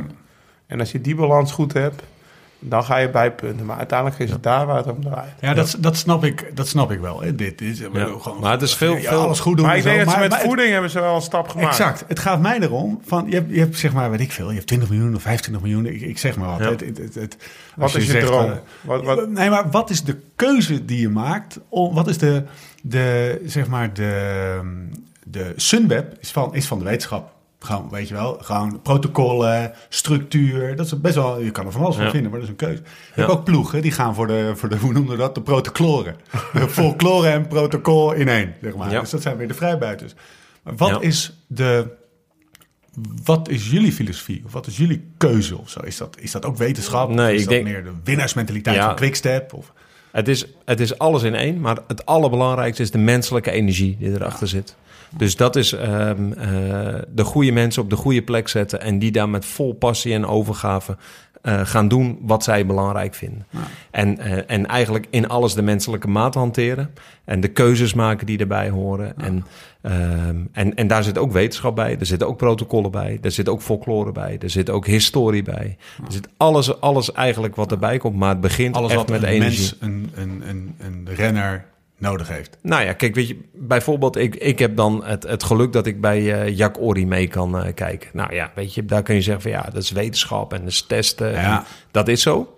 Maar als je hem dit weekend bezig ziet, Ja. daar zit ook heel veel energie, er zit Ja. heel veel passie. Eh, dat is een NK afstanden. Ja, dat je denkt, ja, weet je, belangrijk toernooi, maar niks vergeleken met de Olympische Spelen. Maar er zit dezelfde passie achter. En dat is uiteindelijk wel waar het echt mee begint. Ja. En eh, dat je mensen, als uiteindelijk, als dat er is, dan neemt iedereen verantwoordelijkheid. Dan is, is iedereen betrokken bij waar we uiteindelijk mee, of waar we naartoe gaan. Maar het begint echt gewoon bij dat je de mensen hebt die 200 eh, eh, kilometer per uur voor het doel gaan. Spreek je hem veel, Jacques? Want Ja. dat, is, dat zou ook voor mij Ja. de eerste zijn die ik gewoon, waar ik een Die je bij de podcast app-verbinding- Nee, maar afgezien daarvan, bij Ja. jou eerder. Ja. Eh, wat, ik zou het zeggen, te- hetzelfde tegen hem zeggen hoor. Maar eh, eh, Als hij maar bij de en podcast live app-verbinding met Jacques Horry. Ja, Want dat is natuurlijk een, dat is, dat is echt, Nou ja, nee, zeker. Ja, nee, maar die, ja, dat is gewoon een hele gepassioneerde coach. En daar zijn er heel veel van hoor, in Nederland hoor. En hij is de beste, want hij is sportcoach van het jaar eh, geworden. Maar daar zijn er heel veel van. Maar daar begint het uiteindelijk eh, mee. Ehm, Ga je dan wel en- eens eten met hem of zo? Of, eh, je Nee, ja, het is eigenlijk vooral. Ja, we- nou, het is, eh, hij, hij drinkt vooral thee. eh, maar Oké. Die, die, Laat maar zitten. Laat maar zitten. ja, Jacques, met alle respect. Ja. Gaan we dus niet doen, hè? gaan we niet doen. Nee, maar eh, nee, ja, heel veel bellen. eh, eh, we zitten regelmatig samen en dan bespreken we zaken. En, En gaat het dan over eh, van, zo van, ehm, eh, joh, ik heb hier Steven. En ik twijfel een beetje om deze blokken te laten doen. Versus eerst die tweede week dikke, vette, duur blokken te laten doen. Zeker. Is het- zijn het dat soort vragen? Nee, nee, nee, absoluut. En dat is eigenlijk wat ik het... Kijk, je hebt wetenschap en je hebt inspanningsfysiologie, je hebt trainingsfysiologie. Maar uiteindelijk zijn ervaringskennis... En, en dat is een beetje... Kijk, jij zegt dan Sunweb is de wetenschap. Ja, Kijk, ja, wat, wat, wat is uiteindelijk de wetenschap? Hè? Ik bedoel, eh, eh, ik denk dat uiteindelijk zeg maar individuen meer weten dan dat je bijvoorbeeld volledig afgaat op de wetenschap. Kijk, ja, is algemene inspanningfysiologie is dat de wetenschap. Nou, Ja, dat weet ik niet, volgens mij niet. Weet je, eh, eh, ik denk dat het, het echte vak van goede coaching en goede begeleiding, goede training, daar niet zo op sommige zaken wel. je kunt niet blind varen op de wetenschap. Blijft uiteindelijk altijd ja, de vakmanschap. maat en ja, vakmanschap zeker. Nee, dus echt, individueel bepaald. ik denk het, het vakmanschap van een coach in samenwerking met de sporter, hè, want dat is veel meer dan alleen de training. Ik bedoel, Lau die werkt samen met, eh met Jen. Ja, dat is training, maar dat is ook eh 100% vertrouwensband. eh, iemand heel goed kennen, eh, aan één blik genoeg hebben, aan één woord genoeg hebben. Eh, Maar dat wilde ik net even vragen. Want Jacques die ziet zijn atleten altijd op het ijs. Ja, Ja. Dat is in principe makkelijker ja, dan dat Steven zit bij wijze van spreken in Monaco. ja. Hoe, Ja. hoe los je dat op? Niet bellen. Ja, dat vraagt Laura, mijn vrouw, ook altijd aan mij. Ja, ik, ik weet het echt. Ik, ik probeer er ook over na te denken, maar ehm, ik probeer contact te maken. En eh, Want hoeveel, Oprechte heb jij, hoeveel interesse. heb jij er echt die je traint? eh, zes nu. Zes. Ja, Steven, Dylan, Ja. Timo. Ehm, ehm, nu Tony Martin. oh ja, cool. Ja, ja dat is wel mooi. ja. Panzerwagen. Panzerwagen. Ja. Eh, Ja. Tony, je moet gewoon harder. gewoon harder en 100 kilometer heel hard. Nee, nee, maar dat Moet is hij dus juist langzamer? Hij is, hij is heel, heel, hij heeft dezelfde manager als Marcel Kittel. En hij eh, traint altijd met Marcel. Dus hij wilde Ah, ja. per se. Hij zei, ja, ik wil alleen bij jou trainen. Zei, ja, maar weet je, we hebben veel betere trainers. Nee, ik wil alleen bij jou trainen. Oké, dan moet je het zelf maar weten. En, ehm, Ja, dus dat, ehm, dat is toch lachen? Dat is toch cool als ja, ja, nee, Tony zeker, Martin dat zegt. zeker. Ja, dus ehm, ja, eh, Maar dat is wel fijn dat je nu eigenlijk weer... zet- Want ik denk dat als je twee, drie jaar terug... toen je ook nog de rest van de ploeg... dan kon je er geen zes bij trainen. Dan had je daar toch gewoon geen tijd voor, of wel? toen, ik bij, eh, toen ik bij Skill Shimano zat, toen trainde ik er 25. Ja, dat is ongelooflijk. En, eh, Maar dat is, dus, nu- eh, ja, dat is veel veranderd. Is er natuurlijk. Dat is heel erg veranderd. Maar ik, ik denk niet dat er iemand van die 25 zei, zegt van... eh, of toen zou zeggen Ja. van, ja, ik spreek hem nooit of wat dan ook. Maar ik, daar werkte ik gewoon, had ik een whiteboard. En dan vinkte ik af wie ik gebeld had. Nou ja. En eh, ja, dat is per mail, eh trainingsschema's. Maar ik, ja, ik probeer gewoon vooral persoonlijk contact te maken. En, en dat lukt niet altijd. Ehm, eh, er zijn ook genoeg eh, waar het helemaal niet mee gelukt is of niet mee klikte. Of, ehm, maar de jongens waar het, ehm, waar het wel mee klikt, ja, daar is ook... eh, Ja, weet je, de- de- een appje. En, eh, weet je, het is gewoon even gewoon laten zien dat je betrokken bent, dat je mee bent, dat je ziet wat er gebeurt, dat je s'avonds even een berichtje op Trainpeaks geeft, dat je het gezien hebt. Dat, Ja. weet je, Maar dat is daar gaat het belangrijk. Ja, ken je dat? Ja, Zo'n berichtje op Trainingspeak, dat iemand ook daadwerkelijk naar kijkt. Nou ja, kijk, ik heb natuurlijk... eh, ik, ik heb heel lang alles, volgens mij... Ik weet niet welke systemen we bij Rabobank al hebben gehad... maar ik werd wel gemonitord. Omdat eh, ik had mijn eigen trainer... maar ik heb iedere training daarop gezet. Ja. Dan kunnen ze me in ieder geval niet op aanspreken... na, na jaar van... ja, Lau, maar we weten niet wat je gedaan hebt. Want het stond ook allemaal op IQO2... of hoe het toen allemaal maar heette. Nou, op een gegeven moment begon ik berichtjes van Heiboer te krijgen. Mathieu, toen hij bij de ploeg kwam. Want hé, hey, ze kijken er toch naar. Dat was voor het eerst sinds een aantal jaar, weet je. Nou ja, dat is toch... eh, dat, dat, dat, eh, is toch leuk dat je als, als atleet... dat je denkt van, ah, ik heb het toch gezien, weet je. Dus, eh, nou ja, dat is... eh, dat, dat, ik denk, ik denk dat, dat, dat je dat echt niet mag onderschatten. Ook niet voor een oude renner, dat het, wat het toch doet... als gewoon je trainer gewoon iedere dag even kijkt. Of, of Ja. om de dag, of... En zeker als jij die ijzeren borsttraining doet waar je naartoe rijdt en denkt van beter worden, beter worden, beter worden. Als je dan pas drie dagen later een berichtje krijgt dat je al eigenlijk weer hersteld bent ervan of iets. Dat voelt niet goed. Als, en ik weet zeker Marijn, die als, als Steven, eh, weet ik veel, de training doet eh, om hem klaar te maken voor, eh nou al is maar de eerste koers van het jaar, dat hij hem s'avonds een berichtje doet of even belt of iets. Dat vond ik trouwens ook het mooie van Bogert. Ik reed Egmond Pier Egmond, nou heel lang geleden. Eh Ivar Slik die, eh, die ging voor Roompot rijden een jaar later. Die, eh, dus we rijden op 11 januari Egmond. Ik zeg, Ivar, kom, we gaan bijtrainen. Wanneer is dit? Nou, dat is... 2000? Ja, wanneer was Ivar eerstejaarsprof? 13 of 14? Ik, Ja, eh, ja, 15 misschien. ja. En nog voordat we het eerste klaphekje doorreden in de duinen... had Ivar, die nam de telefoon op, was het Bogert. Die wilde weten hoe het gegaan was. Ah, Nou, cool. dat vond ik... Dat, eh, dat is de menselijke maat Nou ja, ja, dat is als je het hebt over passie en dit en dat. En dan weet ik niet hoe Michael's schema's zijn en qua wetenschap. Maar is het alleen maar dat, dat gevoel, dat bracht hij al goed over naar, eh, naar Ivar Slik op dat moment. Nou ja, maar dat, maar dat is het. Weet je, kijk, de betrokkenheid en, en Ja. welke achtergrond je hebt of wat dan ook, dat is dan is echt veel minder belangrijk. En uiteindelijk hoe hoger je komt, hoe meer en meer belangrijk het wordt... omdat je echt een goede training hebt. En, en ook daar hebben wij wel binnen ons team een enorme ontwikkeling in doorgemaakt. Onder andere ook door Jacori. Um, dat we daar nog meer van weten. En dat, daar, moet, daar doet Mathieu Heijboer geweldig werk in. Dus weet je, dat nog dichter op te zitten. Nee, maar ook, ook wel echt, echt de, het vakmanschap van het trainen zelf. Weet je, de intervallen, de, uh, de manier van belasting. Wanneer doe je wat, op welk moment. En, ja. ja. zeker. Dus ik denk dat het... Uh, kijk, Jacques is natuurlijk... Of, natuurlijk, Jacques komt uit schaatsen.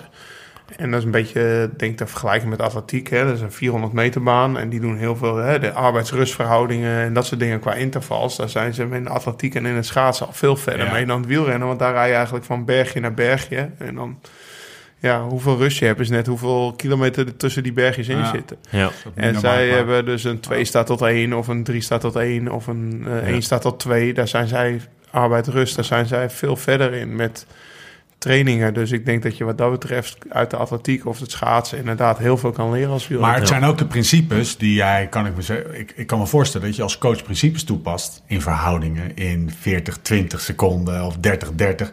Die jij, want daar hebben we het al eerder over gehad, over blokjes. En dan komt die jongen van Robic weer om de hoek. Die zegt, ja, blokjes lauw.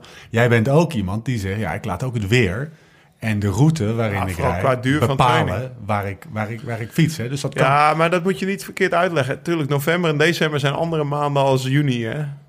Maar dan zeg, de, de, ja, nee, nee, maar, niet, nee, maar wacht even. Ik zeg ook niet dat jij geen blokjes traint of dat je niet goed traint. Ik zeg dat je, ik zeg eigenlijk tegen Marijn, maar ja, die principes, die, die, die verhoudingen en die maakbaarheid eigenlijk van trainen in de schaatsport of in de atletieksport, moet je op een andere manier bekijken in de wielrennerij, waar je ook gewoon op straat fietst. En ook gewoon weersomstandigheden hebt. En uh, dus daar komt denk ik, en dan praat ik even misschien voor mijn beurt, de menselijke maat weer om de hoek kijken. Dat je dingen moet af, af uh, zeg maar meten aan de persoon waaraan je de opdrachten meegeeft. En jou hoef je dus geen 30-30 uh, opdrachten mee te geven. Want jij weet, nou, ik rijd dan tien keer het kopje op, dan heb ik ook die intensiteit. Nou, in Noord-Holland gaat dat ook niet.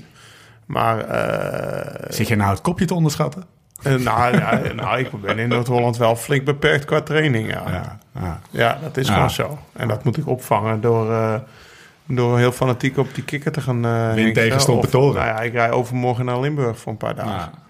Ja, maar dat, dat is het, weet je. Kijk, jij, jij weet donders goed wat er wel en wat er niet komt. En, en kijk, hij ging daar al heel vroeg heel ver in... door al naar Limburg te gaan. En nu is hij weer terug in Noord-Holland eigenlijk. Ja. En Noord-Holland zegt heel vaak... wanneer kom je weer terug? Nou, dat heeft bij hem, bij Lau eigenlijk best lang geduurd. Hè? Alleen ja, hij is op een. Jij moment... woont nog in Noord-Holland. Ja, net aan. Ik heb het net aan mijn zoon uitgelegd dat, dat wij op de, op de grens wonen. Ja, net aan, hè? Ja. Nee, maar Um, uh, kijk, Lau ging daar al, hij woonde in het klooster, hij ging al heel snel naar Limburg. Ja, weet je, ga maar eens even in Zuid-Limburg wonen als je, hoe oud was je? Twintig of zo, denk ik. Mm dus dat is best wel een grote stap natuurlijk. Ja. Um, maar het klopt, eh, ik ben het helemaal eens met wat jij zegt. Kijk, tegen Steven Kuiswijk, daar doe ik compromisloos. Gewoon zeg ik gewoon 10 minuten dit, 20 minuten dat, 30 minuten dat, 40 minuten dat. En die voert het gewoon perfect uit. Alleen tegen Dylan, Groenewegen uh, en overigens wordt dat nu al anders, hè, want, want die is al veel verder doorgegroeid dan zeg maar drie jaar geleden. Daar pas ik het wat meer aan eigenlijk. Hè. Dan zeg ik, ja, wind tegen, doe je een tempoblokje, om maar wat te noemen. Maar nu kan ik bij hem ook gewoon zeggen, ah, in feite van minuut tot minuut het trainingsschema. Dat is ook een ontwikkeling van een sporter. Ja. En dan kun je eigenlijk ook wel, eh, laat ik het zo zeggen, eh, inmiddels ben ik best wel wat jaartjes met topsporters bezig. De beste, zijn wel degenen die allemaal zijn zoals hij is, zoals Laurens is, zoals Kruiswijk is, nu zoals Dylan eigenlijk nu is. Um, Roglic, uh, noem allemaal maar op. Die zijn compromisloos in alles wat ze doen. En eigenlijk de man zegt, ja, ik wil wat op gevoel. En ik wil wel dit en ik wil wel dat. Ik snap het allemaal. kan er allemaal in meegaan. Ik, ik, ik laat het allemaal terugkomen in schema's. Omdat ik altijd in contact wil blijven. Maar ik weet wel, oké, jij moet binnen twee jaar wel zover zijn dat het nu op deze manier gaat. Want anders ga je het gewoon niet redden internationaal. Weet je? Um, maar dat, moet, dat legt ook best een verantwoordelijkheid op jou. Want dat betekent dus dat die gasten moeten gewoon blind... Niet blind als in dat ze, niet kritiek, dat ze geen kritiek mogen hebben. Of zelf moeten nadenken. Maar ze moeten toch echt vertrouwen op wat jij zegt. dat, nou, mijn... en dat lijkt me echt heftig. Dat je lot als topsporter, vooral als je koppig bent zo in de handen van uh, in, uh, het lot. Ja, daarom, zei, daarom wilde ik Eugène er altijd bijhouden. Ja. En ik zeg, voor hetzelfde geld ga ik nu een jaar lang alles doen wat, wat jij zegt. Of wat, wat iemand van Ja. de ploeg zegt. En dan rijd ik geen deuk in een pakje boter. En dan krijg ik van jullie een minder contract. Ja, Dat was mijn... ja. eh, ja. of, of jij, jij hebt ook wel eens eh, ook zo'n mooie uitspraak. Zo van, geen eh, contract. als je me de, eh, als, als een, eh, als een, eh, een trainer tegen mij zegt... joh, wat ik de afgelopen zes maanden tegen je gezegd heb... dat moet je eigenlijk eventjes vergeten, want dit is het nieuwe regime. Ja. Dan ga je ook niet luisteren naar wat ze de Naar het komende twee maanden vertellen Nee, dus- maar dat, dat, Nee, maar het is dat is de topsporter. Maar als coach legt dat ook heel veel verantwoordelijkheid. Nee, Bij maar jou neer. ja, maar dat, zo voel ik het ook. Ja. En ehm, daarom geniet ik ook eh, van de decembermaanden. Want dan Ja. kan je eigenlijk niet zoveel fout doen. Nee. Eh, maar straks als, het, eh, als we richting de grote doelen gaan... Ja, dan, eh, dan ga ik in dezelfde tunnel als wat die jongens zelf ook zitten. Ja. Dan ben ik ook een stuk minder gezellig thuis. En Ja. dan, eh, dan denk ik ook Dan- wel even dan zit drie hij keer in na. de F5. hè. Dan zit hij zijn training de F5. refresh. Ja, dan gaan we er één binnen. Nee, schat, even niet, even niet. Nee, ja, maar weet je, dat, ja, die druk voel Ja, maar dat is, Ja, echt- dat is ook topsport. Ja, dat, dat Ja. is dus die passie. Beter worden, beter worden. En dan, zo is hij dan. Ik moet ineens denken aan... eh, Nee, ik, ik, bel, ik bel nu met ECM misschien ook maar één keer in de week. Wat hij zegt, Ja. december kan je niet zoveel fout doen. Maar als je van de Tour vier weken terugrekent... dan is er 28 keer contact. En misschien wel vaker. Ja, ja. Ik moet, Ja. ik moet ineens denken aan eh, eh, 14 juli 2015. Weet je nog, zegt dat je iets, die datum? 14 juillet. Geesink maakt een comeback. Marijn staat te janken bij, Han te janken bij Hancock. Ja, Onder het kopje emotionele jongen. ja, ja. wat een ja. mooi, dat vond ik echt zo'n mooi televisiemoment. Ja, Want je staat daar te... Ik vertel even wat, wat dat moment was. En vooral wat, waar Geesink... Want ik snap nu, de reden dat ik het nu noem... is omdat ik nu jouw zeg maar, commitment aan een sporter voel... wat er op dat moment ook met jou Ja. gebeurde. Ja, ja, Het, is gewoon, het is ook gewoon huilen om jezelf. Omdat je ja, nou ja, hebt goed. bijgedragen aan dat resultaat. Ja, nou ja, weet je, we hebben het, hadden het volgens mij net even kort over. 2015 Ja. was een super slecht jaar. Ja. Ehm, eh, dat ging mij ook niet in de koude kleren zitten. Dit was eigenlijk, een, eigenlijk het eerste, je eerste moment echt dat wij, of dat, ja, dat, dat we met elkaar voelden van, hé, hey, ehm, eh, we zijn er nog. Ja. Het was allemaal, Laurens was ziek, eh, of jij werd, jij werd ziek, maar je was natuurlijk keihard gevallen daar en hoei. Wilco was al een paar keer gevallen, maar dat was het hele jaar was het knudden. Eh, en dit was het eerste, eerste keer dat het lukte. Eh, dat jaar daarvoor was ik in de Vuelta met Robert. Stond hij zesde, denk ik, Ja, zevende. Met zijn vrouw toen. Ja, toen moest hij naar huis. Toen heb ik hem naar het vliegveld gebracht. Drie dagen voordat we er waren, een topklassering weg. Ehm, ja, eh, Louis was een trainer, maar ik, ik stond ook al eh, zeker ook eh, Heel ja, dicht op. dicht, dichterop. Ja. En ik heb het allemaal gevolgd. Ja, weet je, dat, is, ja, dat was... eh hit zijn mooie, meer momenten. Als, als, Ja. als, als, coureur geloof je hem ook gewoon. Want ik heb jou, volgens mij heeft Tessa jou die foto opgestuurd. Ja. En die heb je Schitterend. Weet je, dat Zoals ik mijn vrouw dat- zei, dat- Tessa-. Ja, maar, dat, of maar, maar Tessa die kent mij helemaal niet zo, bij wijze van. Nee. Je ziet mij als hele, best wel nuchter.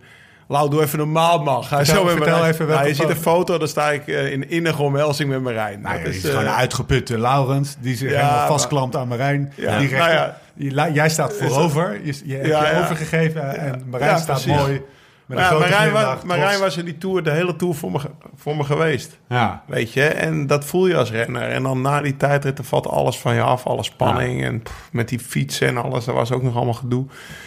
En eh, ja, weet je, dat was, eh, was, uiteindelijk was het het mooiste resultaat uit mijn carrière. En, eh daar was Ja, maar ja, dat, bij. Hij, wordt, hij rijdt top 10. En je had het net over, we hebben samen nog getraind. Ik weet nog heel goed.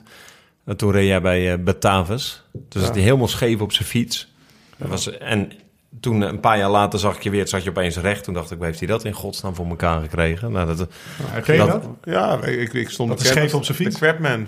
Zo, ik, als een krab fietste ik, zeg maar. Zo scheef zat ik. Maar je, je, je Ja, rust maar- stond scheef? of- Ja, ik zat gewoon helemaal scheef.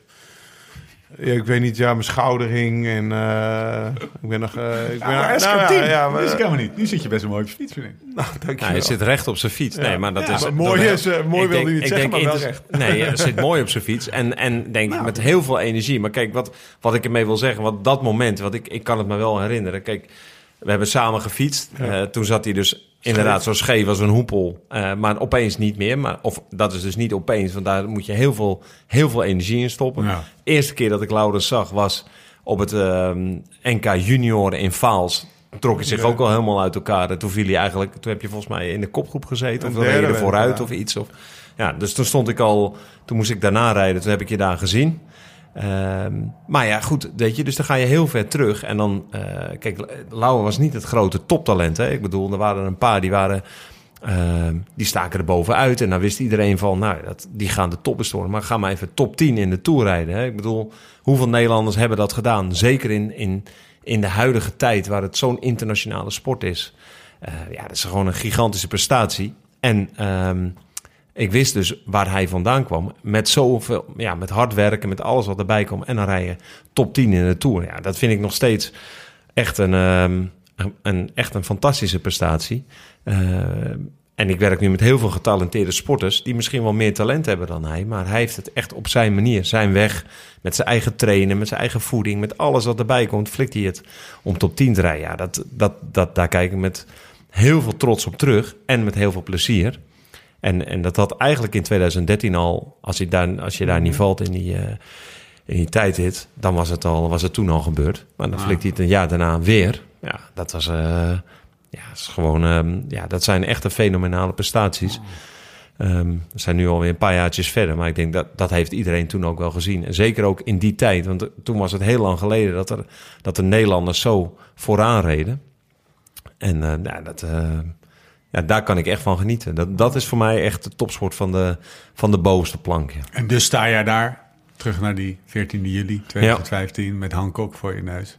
Zie je Geesink, want wat had hij gedaan? Hij was vooruit gegaan en hij... Uh, vierde werd hij. Hij werd vierde, met, met, voor, met na door geloof ik, naar, naar echt... Nou, Vroom die punten mee. Ja, kijk, maar weet je, ook daarvoor geldt weer, weet je, hij is in de aanval en anderen denken, ja, weet je, wat... Uh, waarom is dat dan zo, zo bijzonder? Maar dat is ook weer die hele voorgeschiedenis die eraan voorafgaat. Hij was aan het begin van het jaar was maandenlang geblesseerd uh, geweest. En weet je, ja, dan de journalisten die zien hem niet of spreken hem niet. Alleen, ja, ik heb hem iedere dag aan. Dan moesten we een osteopaat naar Tenerife. En ja. Het ging niet. En eerder naar huis. En hij zag het niet meer zitten. En dan probeer je maar, ja, binnen mijn mogelijkheden hem ook op de rails uh, te houden. Samen met Louis. Um, ja, en, en dan is er weer een keer een moment dat hij dan Weet je, je moet zo ontzettend goed zijn om in de Tour bij de allerbeste ja. berg op te gaan. Ik bedoel, dat, ja, daar kun je geen voorstelling van maken. Maar dat is zo'n bizar hoog niveau. Um, hè, zelfs vanuit de auto zie je dat wel. Hè. Ik bedoel, het is zo'n... Alle renners, de beste renners van de wereld zijn op hun beste niveau. Ja, en dan met de beste meerijden. Ja, dat is gigantisch. En nou ja, dat was, dat was met Laurens in, in 13 en 14 en, en uh, met Robert in 15. Ja, dat, dat, uh, dat is mijn brandstof, weet je. Daar kan ik enorm van genieten, ja. Nou. ja. En zullen we even wat, uh, wat renners eruit pakken? Steven Kruiswijk noemde, noemde Laurens je derde kind. Nou, dat, nee, dat was... Het zit zo. Ik heb de podcast geluisterd. Ik denk dat het in het wiel was. Met wie uh, een soort evaluatie over het jaar ja, kreeg. Ja. En dan... Ja, ik werd getriggerd ook. Gigantisch. Ik ben direct gaan appen daarna. Want uh, daarin legde hij wat dingen uit over wat hij met voeding had veranderd met Steven. Of probeerde te verbeteren. Dus ik, ja, meteen, wat heb je gedaan? En volgens mij, Marijn's vrouw, die noemt hem zijn derde kind. Ja. Dus zo kwamen we over het Lekker dan. Kind. Ja. Zijn ze eigenlijk, ja. zijn ze eens bij opa en oma? Ja. Ja, ja, ja. Nee, die nog, hou Steven weer aan de lijn. Pa, wat moet ik doen? Nee, maar weet je, ja, Steven is ook zo'n... Uh, zo'n uh, het is eigenlijk een beetje dezelfde categorie. Hè? Ik bedoel, uh, mm. bij de belofte goed, niet, niet uh, heel bijzonder. Uh, bij de profs goed, maar die, die, die, groeit zo gestaag door. Ja. En ja, dat is ook zo'n ehm, bijzonder geval. Weet je, dat, ehm, inmiddels is het zover dat we hem als standaard nemen van heel veel verschillende dingen. Bijvoorbeeld voor de foodcoach heb, daar zullen we zo nog opkomen. Dan moeten we zeg maar, een inschatting maken hoeveel producten moeten er mee. Dan pakken we altijd zeg maar, de gegeven, trainingsgegevens van Steven erbij. Want daarvan weet je, nou ja, weet je, als er, als er iemand betrouwbaar is in zijn output, dan is hij het wel. Het is bij hem uh, vier uur trainen is hooguit 3 uur 59, uh, 48 seconden. Maar veel meer dan dat wijkt het ook niet af. en uh, nou ja, dus ja, dus onge ongekende gedisciplineerde ja. kerel. Maar wel eentje die... Um, en goede voor een podcast. Ja, je, ja. je, moet hem niet voor een vluchtige quote vragen. Dan, maar, maar hij heeft heel veel diepgang. En... Ehm, ik las in de Pro Cycling dat je onder de indruk was dat je afgelopen tour niet in de Tour zat, maar dat je onder de indruk was... dat je wel even langs bent gegaan... en onder de indruk was van de manier waarop hij zich in de bus manifesteerde. Dat als een echte, Vuelta, Of wat tijdens de Vuelta, als een echte kopman. Ja. Als een echte leider. Ja, ja. Dat ja. is wel een doorbraak die hij heeft gemaakt, hè? Nee, zeker. En ik weet nog in het begin dan... Uh, toen ik net bij Rouwbank was, wat dan Blanco was... hadden we zoveel kopmannen. En dan was Steven altijd, zeg maar... In, zijn status was nog schaduwkopman van. Hè? Dat, was, dat was zijn status nog. Uh, we hadden Laurens, we hadden Robert, we hadden uh, Bouke, Luis Leon Sanchez. Uh, nou, meer kopmannen dan Indianen, zoals ze toen altijd zeiden. en, um, en Steven zat dan, ja, die bungelde dan een beetje daaronder. En uh, eigenlijk, ja, toen gingen de renners weg en toen kwam er wat meer ruimte. En toen steeg hij langzaam in de hiërarchie. Toen ben ik met hem daarmee aan de slag gegaan. Ik zei, ja, maar weet je, je moet eigenlijk al in de winter al beginnen met, ja, met leiderschap. Weet je, met jongens die met jou meegaan naar de Giro. En uh, ja, weet je, hij was, hij was zich daar op geen enkele manier nog van bewust van hoe, hoe zorg ik nou dat een team achter mij komt staan. Of dat ze gaan samenwerken. Of dat ze zich hun best gaan doen voor mij. En nou, dat, dat stukje eigenlijk. En uh, nou, daar hebben we het laatst nog een keer over gehad. En ja, daar heeft hij zich gewoon fantastisch in ontwikkeld. En echt, echt een, een imponerende leider. En maar hoe, hoe, hoe werkt dat in, zo'n in de bus? Weet je, is dat gewoon dat hij normaal nooit zei van jongens, ik wil dat jullie dit en dat voor me doen. En nu veel strikter, veel duidelijker zegt van... gasten, in die bocht wil ik... Wat, waar, ja. Waaruit dat nou, ja, weet je, maar ook, ook, ook zorgen dat je die jongens achter je hebt staan. Ja. Dus dat ze voor de volle 100% voor je rijden en niet voor 98%. En sommigen hebben dat, uh, sommige jongens hebben dat van nature. Ik heb dat verhaal van Benen Koek wel eens verteld. Ja. En met zijn uh, met, met, met, met, met, ja, met zijn discipelen, die dus echt gewoon inderdaad een, een aantal mannen die voor me. En, uh, het envelopje kan komen. Ja, ik denk dat vanavond maat ook een beetje die mannen om zich heen hier bij mijn ploeg aan het verzamelen. Dus bij sommigen moet je dat wat meer leren. En dat is, en dat is vooral bij klassementsrenners, denk ik, of tijden. Die hebben dat van nature wat minder. Ja. John Dekenkop, ja, daar heb je ook mee samengewerkt, denk ik. Ja. ja, die renners die, die, die reden ook voor hem door een muur heen. Ja. Ja, die, die, die, die weet je, die eh, weten gewoon op een rustdag, we gaan koffie drinken. Ik betaal de koffie. En uh, ja, Laurens die koopt een mooie, of uh, sorry, ja, Laurens ook, maar hij, hij, hij, had, hij had voor, nou ja, voor iedereen na die tour een hele mooie, mooie kist met wijn. He, dus, dus dat soort dingen, maar dat Kittel en dat soort jongens, die, die voelen dat heel goed aan. Um, of die, ja, die voelen gewoon beter van, maar dat is misschien, uh, kijk, uiteindelijk is, is dat een hele goede manier. Maar het gaat er ook om in het hele proces mm -hmm. daarvoor afgaand uiteindelijk. Ja, je hebt het in Bramse boek toch gelezen? Steven die, eh, die verliest de Giro eigenlijk die dag. Ja. Die komt s'avonds naar de kamer van Tank. Eh, echt in zijn worst moment. En die zegt, Bram, ik ben zo blij dat jij mee was. Ja. En Bram die heeft drie keer zo hard getraind voor die Giro van 2017 als uh, hè, bij wijze van om echt alles het goede eruit te halen. Ja. Omdat hij er wilde staan voor Steven en niet wilde falen voor Steven. En dat komt doordat Steven op dat moment naar tank gegaan is. Om te zeggen, ik vond het zo fijn dat je hier was. Ja. Nou, moest de, de, de, leider zijn waar anderen voor door Ja, dat je in, inspireert. dat heb je nodig. Ja, maar ook, kijk, uiteindelijk is het als ploeg ga je ook groeien als iedereen ehm, betere uh, voedingsdiscipline, betere ja. trainingsdiscipline heeft, uh, betere koersdiscipline heeft. En, en zeg maar die cultuur, die kun je ook vormgeven uiteindelijk in het hele proces. En ik weet nu bijvoorbeeld in de Vuelta hadden er twee jongens en uh, die werden gedurende de Vuelta steeds zwaarder. En uh, die waren een beetje aan het mopperen op de voedingscoach. Van ja, dit en het klopt niet. En uh, mijn basismetabolisme is veel hoger. En ik mag te weinig eten. En dat soort... Uh, maar ze werden wel zwaarder. Ze werden wel zwaarder. bullshit. Precies, bullshit. Nou, en daar is Steven een heel dankbaar in. Die kan het heel duidelijk in één zin zeggen. Shut the fuck up. Shut the fuck up. Je eet gewoon te veel. En je moet gewoon luisteren. Want kijk eens naar mij. Volgens mij werkt het heel goed. Punt. Nou, en... Mooi. Ja, weet je, dus... Ik, uh, ik, zie hem dat tien jaar geleden, gewoon buitenstaande. Ik zie hem ja. dat tien jaar geleden, vijf jaar geleden niet doen, maar ik zie het nu ja. wel doen op een of andere manier. Nou ja, weet je, en als ik dat soort dingen moet gaan zeggen, moet ik het allemaal gaan uitleggen. En dan laat ik het basismetabolisme zien en de hele berekening. En hij kan het gewoon in één zin zeggen van, hou gewoon je kop. Uh, je, je moet gewoon die winegums laten staan, want daar zit het in. ja, maar zo... Ongelooflijk, Haribo. Ja, ja, nee, maar daar zit het soms wel in. En dat is op dat niveau. En, en dat doet hij gewoon uh, heel erg goed. En... Um, Um, ja, dat, dat, vind ik, uh, dat vind ik heel mooi om te zien. En, en ja, uh, ik, ik ben nu zes jaar bij dit team. Ik werk nu zes jaar met hem. Ja, en dat, dat zijn gewoon de... Hmm. Hij werd dan... hij werd nu vijfde in de, in de Tour. En ehm, hij zat toch helemaal op, op tevreden voor de laatste tijdrit. En dat hij zich niet meer goed voelde en noem maar, maar op. Ja, weet je, dan kan ik wat... Dan kan ik meerwaarde hebben. En dat heb ik denk ik ook gehad op dat moment. En dan rijdt hij een geweldige tijdrit. Dat valt voor het grote publiek niet op, hè? Want ik bedoel, hij, weet je, Dumoulin die steelt de show en Froome met tweede en Primos valt van de, van de tijdrit. Maar dat zijn net die momenten die dan tussen een sporter en, en mij, en er was helemaal niemand bij, maar dat, ja, weet je, dat zijn gewoon ah. gave momenten. En um, um, ik hoop dat, uh, dat, dat er nog een moment komt dat hij op het podium gaat komen in een grote ronde. Hij is er nu een paar keer zo dichtbij geweest. Dat zou een geweldige bekroning zijn. Hij heeft ontwikkeling gehad. Hè? Je, zou, je zou op basis van het verleden mogen verwachten dat hij nog een stapje zet. Nou, dat hij het verdient in ieder geval. Hij verdient het zeker. Nee, maar hij is, hij is jarenlang stapje voor stapje voor stapje voor stapje is hij beter. Ja, en dan is de grap eigenlijk dus dat, dat hij in de, in de Giro van 2016, waar hij natuurlijk... Ja. Uh, niet afspraak. Nee, daar gaan we, niet over hebben. Maar als je gewoon even subjectief naar de, naar de feiten kijkt, dan staat hij nu op een fors hoger niveau dan toen.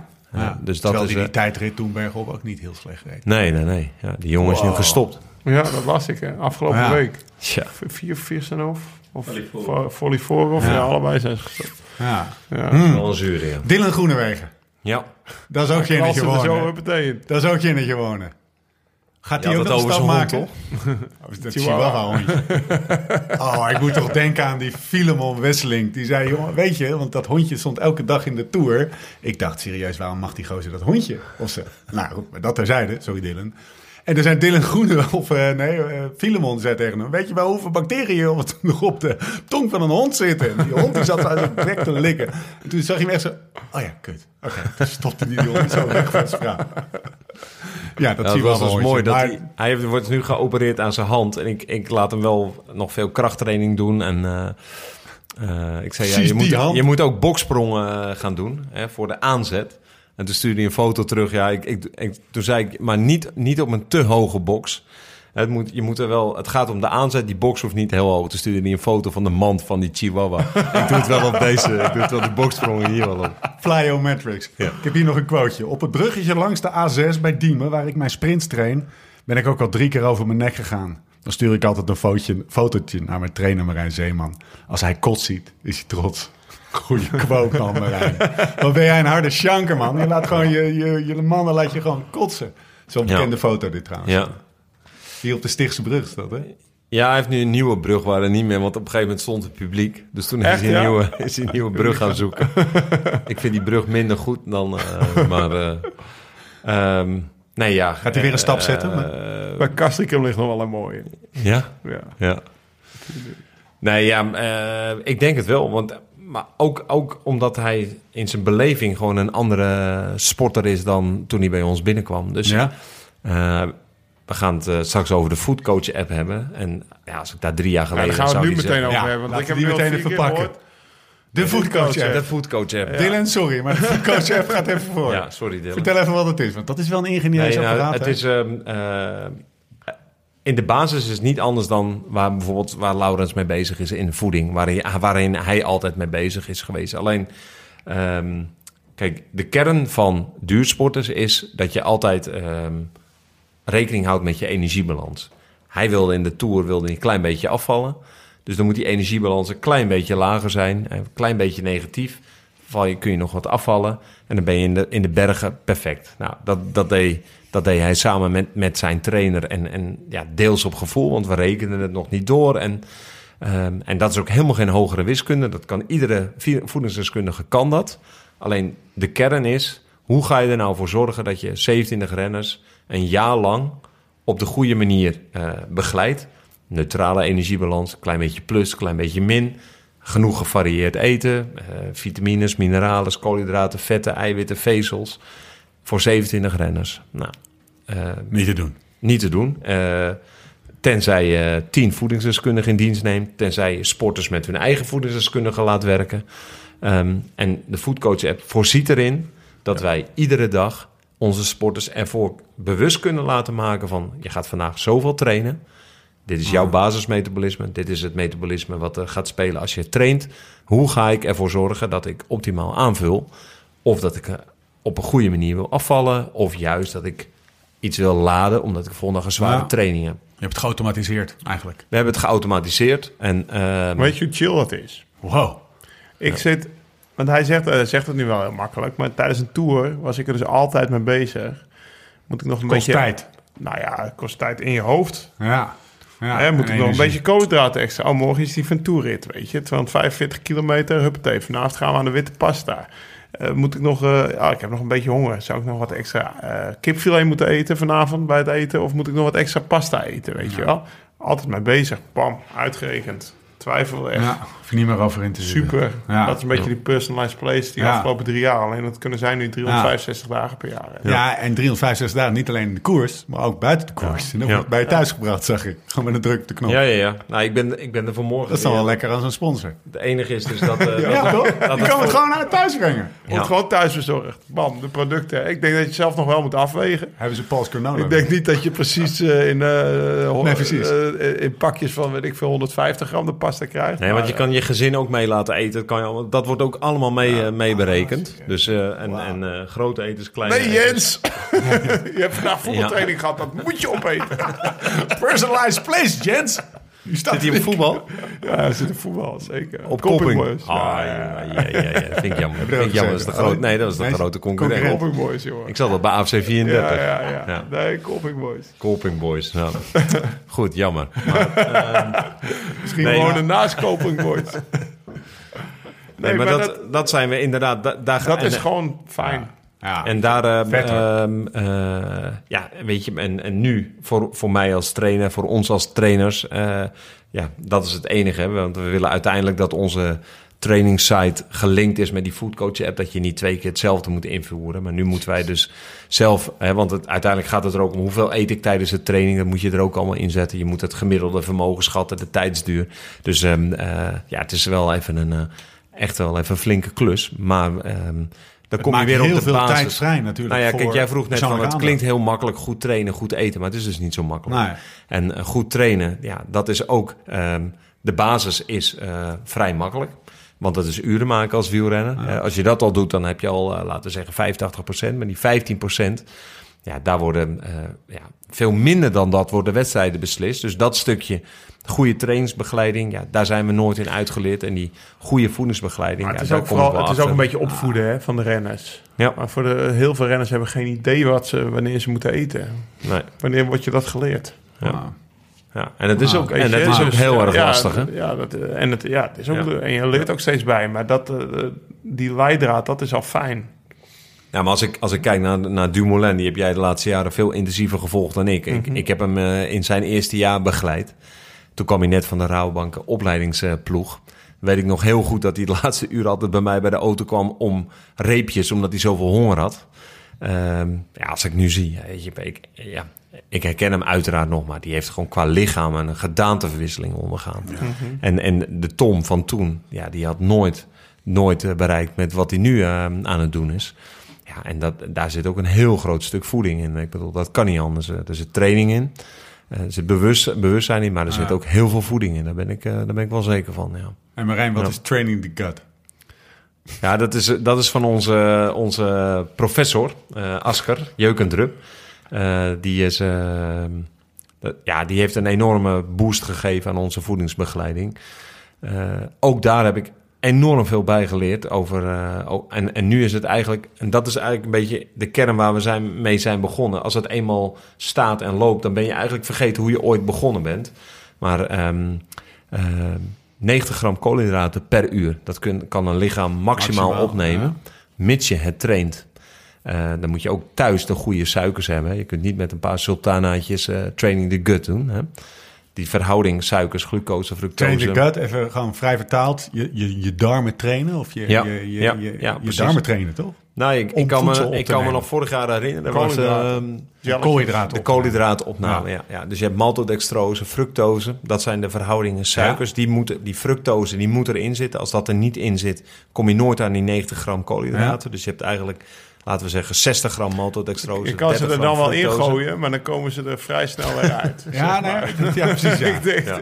Nee, maar dit luistert dus dit, Naar dit luistert, dit luistert heel nauw. En als ik je Ja. zo hoor, betekent het, kan het het verschil tussen winnen of verliezen betekenen. Namelijk, hoe, hoe goed gaat jouw lichaam om met het efficiënt verwerken van de koolhydraten die je neemt. Ja, ja. kijk, als, als, als, die man, als, als, als Laurens een uur lang uh, uh, tegen een berg oprijdt op zijn drempel...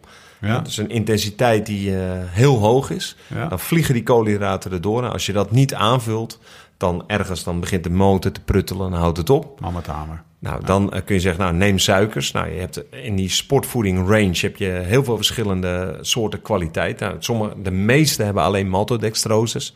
Nou, dat is wat, wat Laura zegt. Daar kun je 60 uh, van opnemen. Alles wat je meeneemt, blaas je ja. je buik van op, uh, krijg je diarree van, noem maar, maar op. Dus er moet fructose bij. We hebben er maar heel weinig. Heel weinig merken hebben dat. Dat is ook heel duur. Um, maar als je nou ja. fructose bijzet, naast ja, de maltodextrose... Dan kan je tot kan je 90, 90, mits je traint in de training. En als je het niet traint thuis, dan, dan gaat het niet lukken. Hoe kan je dat trainen dan? Door het te doen. Gewoon Hè? doen. Dus uh, uh, hoog koolhydraten te trainen. je gaat gewoon een, een, een intervaltraining doen en je eet eigenlijk hetzelfde als wat je in de koers wil eten in die periode. Dus als jij drie uur intervaltraining doet, moeten er 270 gram uh, ja. gemixte koolhydraten. En dat is veel hoor. Dat is echt. Dat is ik bedoel, veel, daar kom jij als recreant kun je daar geen, geen voorstelling van maken. Dat je denkt, ja, moet ik zoveel eten, ik heb helemaal nee, geen honger. 13 ja. jelletjes. Nou ja, kijk, als je bidons drinkt, dan zijn er ja. minder jelletjes. Ja. Maar als je alleen water drinkt, echt, dan... Daar, daar kom je gewoon als, als, als recreant. Ja, ben je een fortuin kwijt. Oh, ja, nou, dan ben je een fortuin kwijt. Nu raak je me. Ja. ja. dan kost je gewoon een duurtraining kost 50 euro. Nou, dat doe je niet. nou, snap ik dat sta, ja. jongen. Die, ja. die knallen ja, daar gaan al die euro's naartoe. Maar dat is dus van, um, uh, van Aske Jeukendrup. Die ja. heeft er heel onderzoek naar gedaan. En, die en heeft is het echt iets van tien jaar geleden of is het iets wat nu aan de orde is? Nou, ik denk dat hij dat tien jaar geleden al zei. Ja. Alleen, uh, wij zijn nog wel eigenwijs hè, in het wielrennen. Dus, uh, Jezus, uh, ja. inderdaad. Hé. Nou, ik heb, nou, ik, denk dat ik, ik denk dat ik wel sheetjes heb van Belkin. Ik ben afgelopen uh, maanden weer uh, in, de, in de krochten van de mappen van uh, wielrennen, zeg maar, op mijn computer gedoken. Waarom en daar staan, nou, er staan ook low carb uh, trainingjes in en uh, daar wat protocolletjes voor. Uh, ik denk dat daar toch wel iets te vinden was. Ja. Maar ik denk ah. dat meer nadruk op de low carb protocollen werd gelegd. Op dat ja, maar weet je, het is omdat het punt is zeg maar dat uh, goed eten, goed eten, goed eten. Dat was echt belangrijk, weet je wel. Alleen, ja, weet je, nu is het gewoon zo dat wij gewoon ieder uur zeggen: oké, okay, weer een uur voorbij, check dat je 90 gram binnen hebt. Weer een uur voorbij. Ja, dus de renners worden helemaal gek van ons, omdat we dat continu blijven herhalen. Omdat, weet je, uh, ja, normaal, jij gaat een strandrace rijden, denk je, oh ja, ik moet wat eten. Maar je hebt helemaal geen honger, dus even een paar slokken bidon, even een gelletje en het gaat wel weer. Maar dit is veel meer dan ja. dat, hè. Dus maar er is nergens een prikkel eigenlijk. Wel, koers van een uur. Ja. Maar je moet berekenen als jij uh, die rit, uh, die Steven reed, Alpe d'Huez, ja. laten we die eens nemen. Ja. Of Froome op de Colin Ja, ja, dat is een, ja. dat, die duurt minimaal zes uur. Ja. Dus als jij uh, zes uur lang 60 opneemt of zes uur lang 90, dat maakt 180 gram verschil. En dat is gewoon, uh, ja, dat is gewoon substantieel. Lau. Nee. Wijntje? Marijn. Steven? Ja. Uh, wijntje, Laurens. Wijntje? Lekker. Heerlijk. Um, dit is een vraag van een luisteraar, Geraint T. uit Wales. Die zegt, uh, als ik nou na mijn Ik heb een beetje veel mijn kut getraind. tour, tour-overwinning een beetje te veel uh, lager drink en ik te dik word, is dat een teken dat ik minder snel over de berg uh, kom? Yo, heb je hem? Ik, ik, ik, heb, ik heb een foto, ik heb een foto gezien. Ja, ja, ja. ja, toch? Tietjes. G heeft tietjes. Ja. Hij is ook iets uh, minder scherp zal het seizoen starten. Nou, maar ik las ook een interview dat hij ook zei van dat hij wat dat uh, Brailsford naar hem toe was gekomen van yo, uh, yo je moet nu even op je, op je lichaamsgewicht letten, want dit, dit kost veel energie. Kilo echt, maar dat is 6 kilo of zo, toch? Ja. Dat is gewoon serieus. Meer, maar dat is dus een. Misschien wel meer, ja. Die gast die moet, nou laat het 8 kilo zijn. Als je het dan hebt over negatieve energiebalans, en een kilo vet is, uh, is 7000. Ja. Dus uh, ja. dan zit je op 60.000 wow. wat je in een min, uh, wat je moet. Dat zijn geen leuke trainingen. Nee, dat. Die gaat uh, die 90 gram koolhydraten per uur voorlopig niet mogen eten tijdens de training. Hij gaat, hij gaat, die gaat negative Do not training train the gut. Oh, I had some uh, negative gut training ik hoorde, Ranier die was met hem mee aan het trainen. Want die was bij Wout in, uh, ja, in Monaco. Monaco. En die, die zei, hij eet nu ook gewoon helemaal niks. Hij- Die neemt een appel mee. Maar hij gaat de Giro rijden, toch? Ja, ik weet niet wat hij Nee, gaat de rijden, Tour. De maar, Tour wel? eh, Ja. Ja? Als ik dat zo zie. ik, ik, denk Ja. dat het, eh, ik denk dat het niet kan. Maar eh, ja, hij Ja. kan me verrassen in juli. Maar die rijdt de Tour dus, dus die heeft nog even. Gaat hij het redden? Ja, tuurlijk. Gaat hij het dan Hij redden? even, Zoveel kilo's? Ik, ik had een beetje... Hij Jan gaat zeker zo scherp aan de start kunnen staan. Dat is zeker. Maar ik denk dat de komende maanden gewoon niet echt gezond is. Zeg maar. Nee. Ik bedoel, ja, tuurlijk kan je 7, 8 kilo afvallen. 9. Ja, qua gaat, eh, trainingseffect is dat natuurlijk eh, niet optimaal. Nee, maar je kan beter gewoon eh, op je gewicht zitten nu en Ja. precies... eh, Plus drie, plus vier kilo Ja, in de winter is ja. een beetje acceptabel, maar dit is eh, te veel. Ja. Blijft een mooie baas. G, I'm with you. Ja. Hij heeft wel een keer de Tour gewonnen. Ik Hij bedoel, heeft dat is een keer de Tour gewonnen. Ja. Ja. En, en niet op de minste manier ook. Hij, gewoon, Nee. hij was gewoon Anders de gaat hij gewoon klassiek Geen steek laten vallen. Nee, hij, stond er gewoon.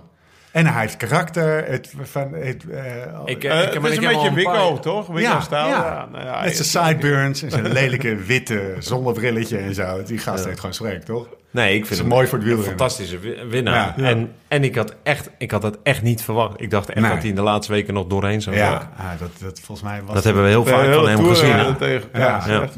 Nou ja, helaas. Ik had graag eh, me doorheen zien zakken. Maar Hey mannen, eh, de, hij is nu ook goed aan het doorzakken. de, tour, de, tour van, eh, de Tour van 13 hebben we eigenlijk al uitgebreid gesproken. Maar ik moet, nog- ik moet nog even nadenken, of ik moet terugdenken aan die, eh, de, die docu over die Tour. Die heet eh, de Tour van Bouke, waar eh Laurens ook eh, meermalen in terechtkomt. En één, of in de voorkomt, één scène vond ik prachtig.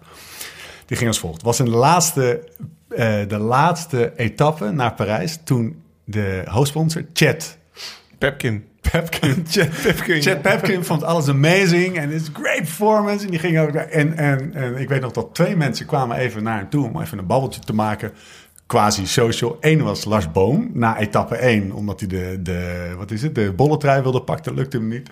En die andere, die althans in beeld kwam, was in, de, eh, in het champagne moment, zeg maar, naar Parijs toe. was Laurens Tendé. en, die, eh, en dat hoorde ik vandaag pas. Die toen nog niet getekend had. Een verdomd lekker toertje achter de rug had. En meneer kwam even praten met, eh, met, Met de hoofdsponsor. Met de hoofdsponsor achter in de auto zat. Bij jou en Nico Verhoeven. Eh, en eh, toen zeiden jullie tegen elkaar, weet je dat nog? Ja, dat de prijs weer omhoog was. prijs- gegaan, ja. Die prijs ging weer omhoog. Hè? Ik heb dat vandaag nog naar jou gegeven. Ja. En je wist precies het moment. Maar toen zat jij in, in, in, in contractonderhandelingen, of niet? Ja, ja, zeker. De, de onderhandelingen waren in volle gang.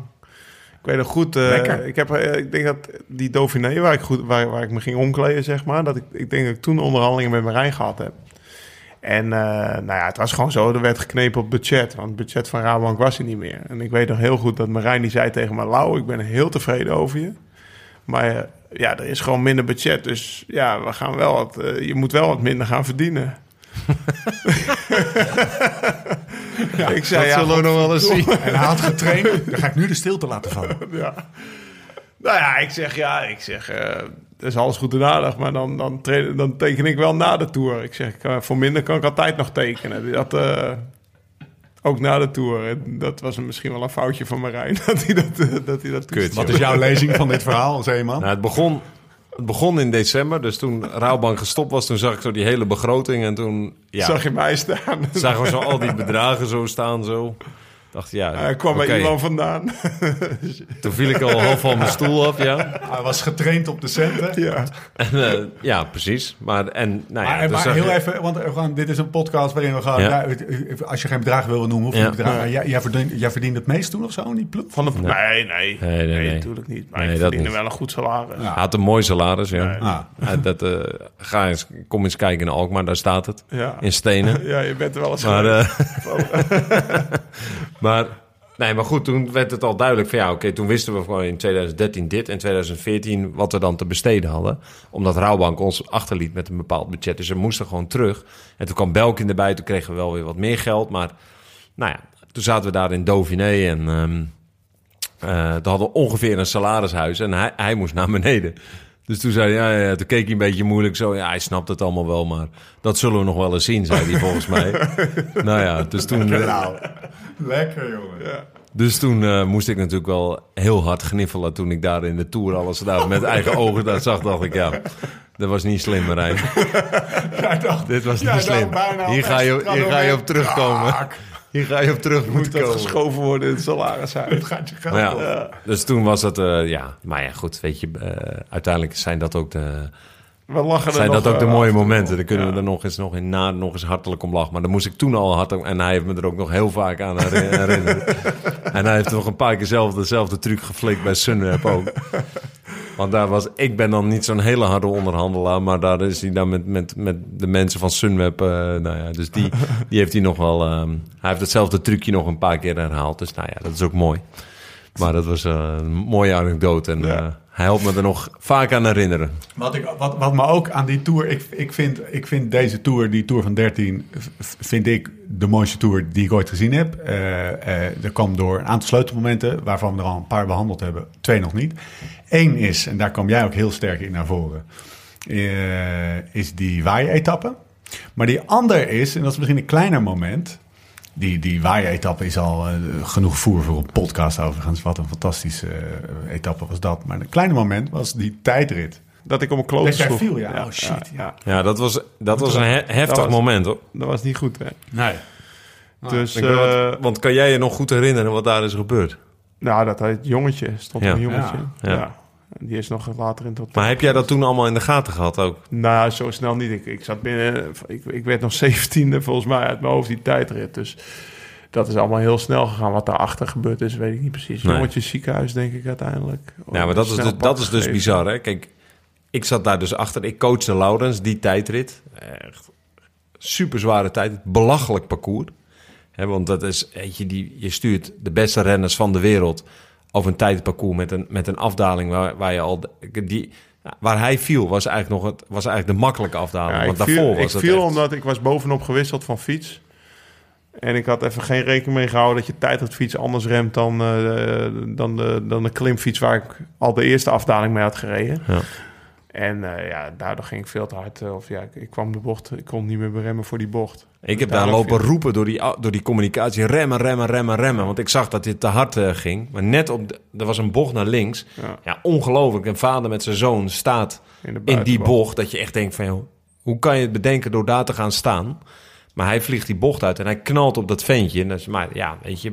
Um, onze mechanicien eruit. Uh, Richard Plugge, die reden auto, die was eruit gerend. Fietswissel. Hij wil op die fiets zetten. Maar dat jochie stond naast mij en die had een wit t-shirt aan. Die was helemaal in shock. En terwijl ik keek, werd dat shirt dus gewoon helemaal rood. Ah. Dus dat werd steeds roder. Dat weet ik niet. Nee, dat, dat, dat heb jij. Dat heb ik ook volgens mij nooit op die manier aan jou verteld. Maar goed, snel weer in gang uh, gezet. Uh, tijdrit volgemaakt. Meteen weer coachen. Nou, dan kom je weer op, dat, op die anekdote van Michiel eigenlijk. Vergeten. Maar jij vroeg toen in de camper meteen na de finish... hoe is dat met dat jochie gegaan? Dat wisten wij ook niet. Hè? Want ik dacht, ja, dat is echt niet goed. Maar hij is met een traumahelikopter naar het ziekenhuis uh, gegaan. En toen heeft Laurens zijn tijdritpak heb jij aan Richard gegeven. Mm -hmm. Toen is Richard ja. s'avonds naar het ziekenhuis gegaan. Heeft dat jochie, uh, toen zagen we dat het goed was. Had een tulband op en uh, dat was allemaal goed. En die was dolblij, want hij had het uh, snelpak van Laurens de Dam. Dus, uh, maar dat was bizar eigenlijk. Het was een verschrikkelijke ja, tijd echt, voor ons. ja, en daar verloor ik uiteindelijk dan uiteindelijk door die val. ja. Die, ja. daarna kwam ik niet meer vooruit. Nee. En ehm, dat, dat was dus het jaar daarna dat dat die fiets van Bouke aanliep. En ik kan me nog goed herinneren dat jij toen pissig was op Bouke. Ja, maar dat je daar wat van had gezegd. Ja, ja dat was, oh, dat was zo... Vond ik heel mooi. Dat je, ja, dat je, je gewoon. Ja, ja, ja. Dat is ook emotie. Maar ja, ja, ja. ja. ja dat vond, dat ja, ja, zeker. Nou, S'avonds liep mijn Twitter aardig vol. Mijn telefoon bleef. Dat was allemaal weinig positief. Dus maar... Uh, en dat was ook allemaal niet goed. Dat was ook... Het was oh. gewoon complete frustratie voor mij ook. En wat ik deels op Bouke... Uh, uh, maar wat, wat eigenlijk die dag nog wel een aardige anekdote is. Hij, eh, dus kijk, wat ik Bouke die dag verweet was dat die fiets was gewoon onze verantwoordelijkheid. Die fiets was niet mm. goed. Ja. En, daar, en dat was gewoon ja, weet je, daar had ik niet boos op hem moeten worden. Want het was onze verantwoordelijkheid, mijn verantwoordelijkheid. Ja. En die fiets was niet goed. Wat, wa- Punt. even voor de luisteraar, wat, wat was er aan de orde? Eh, Er werd een Bouke, nieuwe tijdritfiets ingevlogen. Precies. Twee, ja, een dag voor de tijd. Ja, maar- eigenlijk. En je kon kiezen als renner of je die nieuwe of die oude. Ja, we hadden een, die Ja. oude tijd, de fiets was gewoon een dranghek. Weet je, daar, kwam je Ja. niet, daar kwamen we niet mee vooruit. Daar, daar stonden we sowieso mee op achterstand, sowieso. En die nieuwe tijd, de fiets, die was veel beter. Zeiden ze. zeiden ze. Maar dat kon je ook wel zien. Ja. Alleen, die hadden we, veel te, hadden we bij lange na niet goed getest. Dat wisten we helemaal niet. Alleen die oude fiets was zo slecht... dat het een verleidelijke keuze was om hem toch te gebruiken. Dat was de moeilijkheid in dit. Dus het was een duivels dilemma. Gaan we En die nieuwe fiets zag er heel mooi snel uit. Was windtunnel getest. Dus in de windtunnel zonder renner erop. En die was veel sneller dan die oude fiets. Nou, zo kwam hij bij mij in Bouke aan. Alleen wat we niet hadden getest was de, hoe, st- hoe stijf die was. Dus achteraf, als je ging staan, dan liep je wiel gewoon aan. Zeg maar. Ja. of, of tijdens het fietsen al. Want de manier waarop Bouke fietste... Hè, die, die, die, die, die, die sleurt nogal aan, het, aan die fiets. Liep je ook al aan als hij zittend reed, bij wijze van spreken. Ja. Dus dat was echt verschrikkelijk. Ja. Alleen, waar ik vooral pissig over was, was dat die fiets er al lang was. Laurens die reed erop. Na de etappe ging hij er even op rijden. Wij hebben s'morgens, ben ik met Laurens, die tijd dit gaan verkennen, reden we door de reclamekaravaan heen om eh, Ik heb Lloyd nog laten komen. Lloyd nog laten komen. We zijn s'morgens gaan verkennen. Maar Lau, of maar Bouke, die keken niet naar om. En, en dat was, een, was mijn frustratie. Kijk, en, en dat had ik niet... Dat was dus niet... Ja, als ik het over zou moeten doen, zou ik dat zeker niet meer zo doen. Want het was, ik was ook gewoon gefrustreerd en boos op ons als team, op mijzelf. En ehm, ehm, ja, weet je, dat hebben wij gewoon niet goed gedaan. Klaar. Ja, boe, slecht. En eh, alleen, we hadden het kunnen weten als hij s'morgens gewoon was gaan verkennen. Dan had hij gezegd, ja, dat klopt niet. Die fiets loopt aan, laat mij maar op die oude rijden.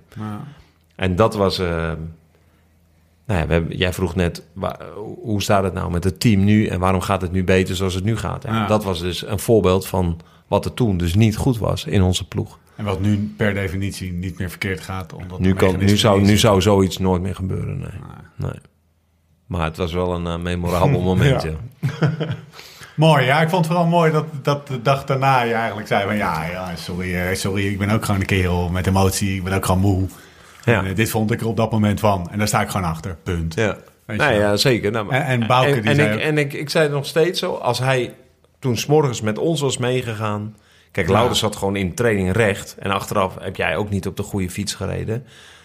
Maar Bouke had het gewoon gemerkt. Daar ben ik Ja. 100% zeker van. Ja. En dan was dit de hele debakel niet... Maar hij wilde niet mee en het was allemaal niet nodig. En, en hij ging gewoon echt out of the blue op die fiets zitten. Ja, Zo. maar goed, weet je, en dan, maar dan kom je weer van, ja, weet je, verwijt ik dat Bouke? Ja, deels wel, toen. Maar nu denk ik, ja, maar weet je, het was ook gewoon van onze ploeg gewoon ruk Hij mag er ook vanuit gaan dat het wiel niet aanloopt. Ja, precies, Ja. ja. Dus, Ja. Dat was zijn overweging. En waarschijnlijk heeft hij ook gewoon zijn eigen overweging gemaakt. Ja. Van, ja, het is of twee uurtjes eh, met de beentjes omhoog. Of, eh. ja. Oké. We gaan langzaam afsluiten, geloof ik. Ja, We hoe zijn lang, al, lang eh, hebben we? Nu al. Ja, het is alweer... Twee uur en een kwartier. Twee uur en een Het is kwartier. ook weer zo'n Is vluchtig, dit een is ook weer knipper? typisch zo'n vluchtig Ja, interview. is dit, Ja. is dit een knipper, Ja. Jon? Of, heb je het idee dat je aan het woord bent geweest, Marijn? Twee uur en een kwartier zit net op de grens, hè? Ja, Ja, we laten, gewoon, laten de mensen zelf knippen. maar eh, ik heb me niet verveeld. Nee hoor, ik vind het mooi man. Insight en... dan weet ik nog steeds niet wat insight is, maar dan ga ik hem zo mee eh, aan Nee, achter. nou, dan kan je dat, ja, gewoon, dan kan dat, dat, dat knipt hij nog wel ergens in. Dat programma. Nou, probeer je niet op dingen al van mij los te krijgen. Ja, maar- maar Ja. dat is, Als je op Marijn Zeeman, eh, Mar- eh, Marijn Zeeman googelt, dan zie je jou een of ander bullshit commercieel verhaaltje. ja, van kut, dat- dat is plichtmatig. kut, hè, inderdaad. Ja. Dat is echt, dat was het Nee, dan. zeker. Maar het is wel een heel mooi programma. Ja? Maar het is zo moeilijk dat zij er niet kan mee kunnen werken. ja. mensen. Ja, daarom. Ja, ik, eh, het is, het is, eh, Is die nou ja, bij ons- rijksbedrijfsspionage ja, het is, nu het is een moeilijk duur programma. Wij hebben een soort testfase. En ik heb een... eh, Gaat niet lukken, Lau. Zeg maar dat ze ermee moeten. ik heb één test gedaan in, op de Kolderats ermee. En ik heb meteen de resultaten doorgemaild naar mijn uh, undercoverman Marijn Zeeman. ik zeg, eh, Marijn, volgens deze test ben ik Klopt een soort. Lars Boom. Ja. Klopt niet. Bullshit. nee, maar dat... Nee, maar het is echt... Die jongen die daarachter zit, ja. hè, dat is... eh Waar, waar hebben we het over, jongens? We nou, hebben het over... Inside. Ja? Dit geeft allemaal aftiteling, joh. Dat liedje gaat is tussendoor. aftiteling. Nee, dat is goed. Dit is voor de Magic Nee, kijk, om het even... Kijk, even, ze- laat ik het even heel... Even een klein stukje gewoon zoals wij als trainers ernaar kijken. Je hebt... eh, eh, en dat heb ik echt van eh, geleerd. Je hebt gewoon vermogen. En als je naar vermogen... Als je naar, oh ja, het moet er wel nog in. Ja, hele timer. hè. vermogen. Ik hang in je lip. En als je naar vermogen kijkt, dan, eh, dan zie je eigenlijk alleen de output. Maar je weet niet hoe hij aan dat vermogen komt. Uit welk energiesysteem haalt hij zijn vermogens? Eh, wat gebeurt er in de cel? Dus als je alleen training stuurt op vermogen, dan mis je een heel groot stuk. Maar als je meer gaat Je kijken... moet het zo naar- zien als een auto. Die rijdt 120 per uur. Hoeveel procent gaat er van een benzinemotor en hoeveel van een elektrische motor? Dus van je aerobe en je anaerobe systeem, Ja. je vetverbranding en je Ja. koolhydraten. Ja, Ja. ja, en daar moet je... Als je spaden dieper. En als als je je, traint alleen- op vermogen, train je dus alleen op die 120 km Ja. per uur. Ja. Maar zij trainen nu op... Kijk, wij, wij hebben nu, we kijken meer naar echt naar de, gewoon wat er in de cel gebeurt. En daar is, het, eh, en daar is dit softwareprogramma daarvoor, omdat je veel beter kunt kijken. Oké, die 120 eh, of die, die 250 watt, waar haal jij dat nou vandaan? Is dat je aerobe energiesysteem, Ja. je anaerobe energiesysteem? En hoe gaan we daarop sturen? En dit Insight-programma helpt je daarbij. Maar die test is best wel lastig, want eh, heel arbeidsintensief. Je moet heel veel lactaat prikken. Kan want zeggen, lactaat vertelt jou wat uiteindelijk, wat gebeurt er in de cel? Waar haal jij nou die energie vandaan? De informatie haal je uit bloed. Ja, Ja. En dat, maar dat geeft uiteindelijk ook heel veel trainingsinformatie. Want dan kun je een veel beter profiel maken van een bepaalde renner. En zeker als je heel veel data daarvan hebt, dan kun je daar eigenlijk zeggen van... oh, wacht even, je haalt er te veel daaruit, we gaan wat meer daarop richten. Of je zit precies goed, of eh, vorig jaar zat het zus, of vorig jaar zat het zo. En ehm, alleen, eh, kijk, eh, zij, zij zijn er nu mee begonnen en dat herken ik heel goed. Want Mathieu Heijboer heeft dat bij ons geïntroduceerd. En in het begin snapte niemand er wat van en vlogen al die testen de lucht in eigenlijk. Maar nu hebben we er... ehm, ah, het is heel, wij, wij staan er gewoon met zes man te prikken op die berg. En daardoor kunnen we eigenlijk nu geloofwaardige eh, resultaten halen. Maar als het een keer iets misgaat, als we een keer te laat prikken... of ehm, eh, die meting is ongeloofwaardig... En, nou ja, dan, dan is het helemaal... En dat was dus bij mij gebeurd afgelopen week in Spanje. Ja. Want het werd te laat geprikt. Nou, ik weet niet wat er precies misging, maar volgens de test was ik soort, eh, was ik ubergoed eh aeroop, VO2 max, Ja. en heel slecht in vetverbranding. Het Bullshit. stond net, net andersom aan jou gewoon. Nee, dat is precies verkeerd om. Maar je kan Ja. dus, je kan echt, eh, weet je, en wij kunnen nu heel goed inschatten wat moet de klassementsrennen kunnen, wat moet de klassieke rennen kunnen, wat moet de sprinten kunnen. En vooral, nog veel belangrijker, hoe pas je de training daarop aan? Eh, hoe, hoe vaak meet je dit? Dus misschien echt een beetje technisch. Om de tien weken. Nee, om de tien weken. Ja. Dus niet zo dat een renner even zelf een klik en dan het dan... Dat kan wel, dat kan Dat wel. is natuurlijk ultiem. Ja, dat is het ja. elke week gewoon Ik was het zelf van plan. Ja, nee, maar dat, Ja. dat kan wel. Dat, eh, een renner kan dat straks zelf gaan doen. Maar wij, wij hebben nu gewoon een, een jaar lang een programma gemaakt voor alle renners. En dat doen we. We gaan het straks ook vlak voor wedstrijden doen. Dus dan moet een renner bijvoorbeeld een dag eerder komen. Dan kunnen we een inspanningstest eh, doen. En het is een, eigenlijk een hele Doe je hem ook op de vriendelijke rollenbank? test. Nee, Nou ja, nee, allemaal buiten. Ja. Limburg kon het, hè? ja, Limburg kan het goed. Op de Kamerrig eh, kan je het doen. Ja. Dus daar, daar doen we het ook. Maar we plannen dat eigenlijk voor een jaar eh, in. Maar dat is dus, ja, het is, maar die jongen die dat dus heeft bedacht, dat is dus de, de trainer van Tony Martin hiervoor. Ja? Eh, Sebastian Weber. Maar dat is, eh, hij was een, is een enorme freak. Dat is dus eentje die dus achter André Greipel aanreed. Met de, André had, had alleen een communicatie in op Mallorca. En hij reed erachter met een vermogensweten. Harder, zachter. Nee, joh. Ja, die had gewoon, ja, het was gewoon, die stuurde gewoon vanuit de auto, geen gelul. Jij doet gewoon precies wat ik zeg. schitterend. En dat, maar dat is eh, tien jaar, dat was in de HTC-tijd al, hè? Had hij al gewoon de vermogensmeter of op de scooter. En ja, je blijft er maar gewoon achter. En dan bepaalt hij gewoon het tempo, harder, zachter. Maar dit klinkt als, eh, zeg maar, de vermogensmeter was een revolutie, omdat dat op output, niet op, weet je, wind tegen, berg op, whatever. Het gaat om de output. Ja. Dit klinkt weer als, dit is kennelijk weer next level, namelijk hoe komt die output tot stand? Ja, maar, Daar dit kan je op is, sturen. ja, maar dit is eigenlijk gewoon oldschool. ja. Dus dit is gewoon DDR, lactaat, hartslag. En, eh, en op basis daarvan gewoon kijken, wat gebeurt er nou eigenlijk? En eh, vermogen is heel erg makkelijk. En dat is dus vooral voor sporters heel makkelijk om, om de training te sturen. Maar eh, eigenlijk zijn wij heel erg, heel ver weer daar vandaan. En veel meer kijken van, De wat gebeurt er nou eigenlijk echt eigenlijk? Wat Ja. gebeurt er in die motor? En, eh, en op basis daarvan eh trainingskeuzes maken. Ja.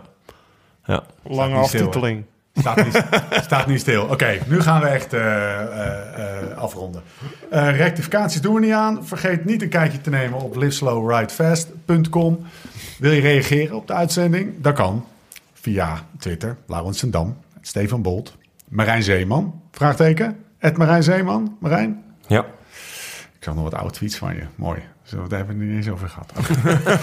Eh, kom maar met reacties, vragen en opmerkingen. Is voor iedereen beter. Laat een recensie of een beoordeling achter op iTunes. Dat deden heel veel mensen. Heel veel mensen. Vooral naar aanleiding van de oproep van Laurens. Om dat te doen, omdat ze dan een snelpak, Marijn, van Laurens konden winnen. Er ligt hier een Ongebruikt, hè? Serieus, hè? Ja. Ongebruikt.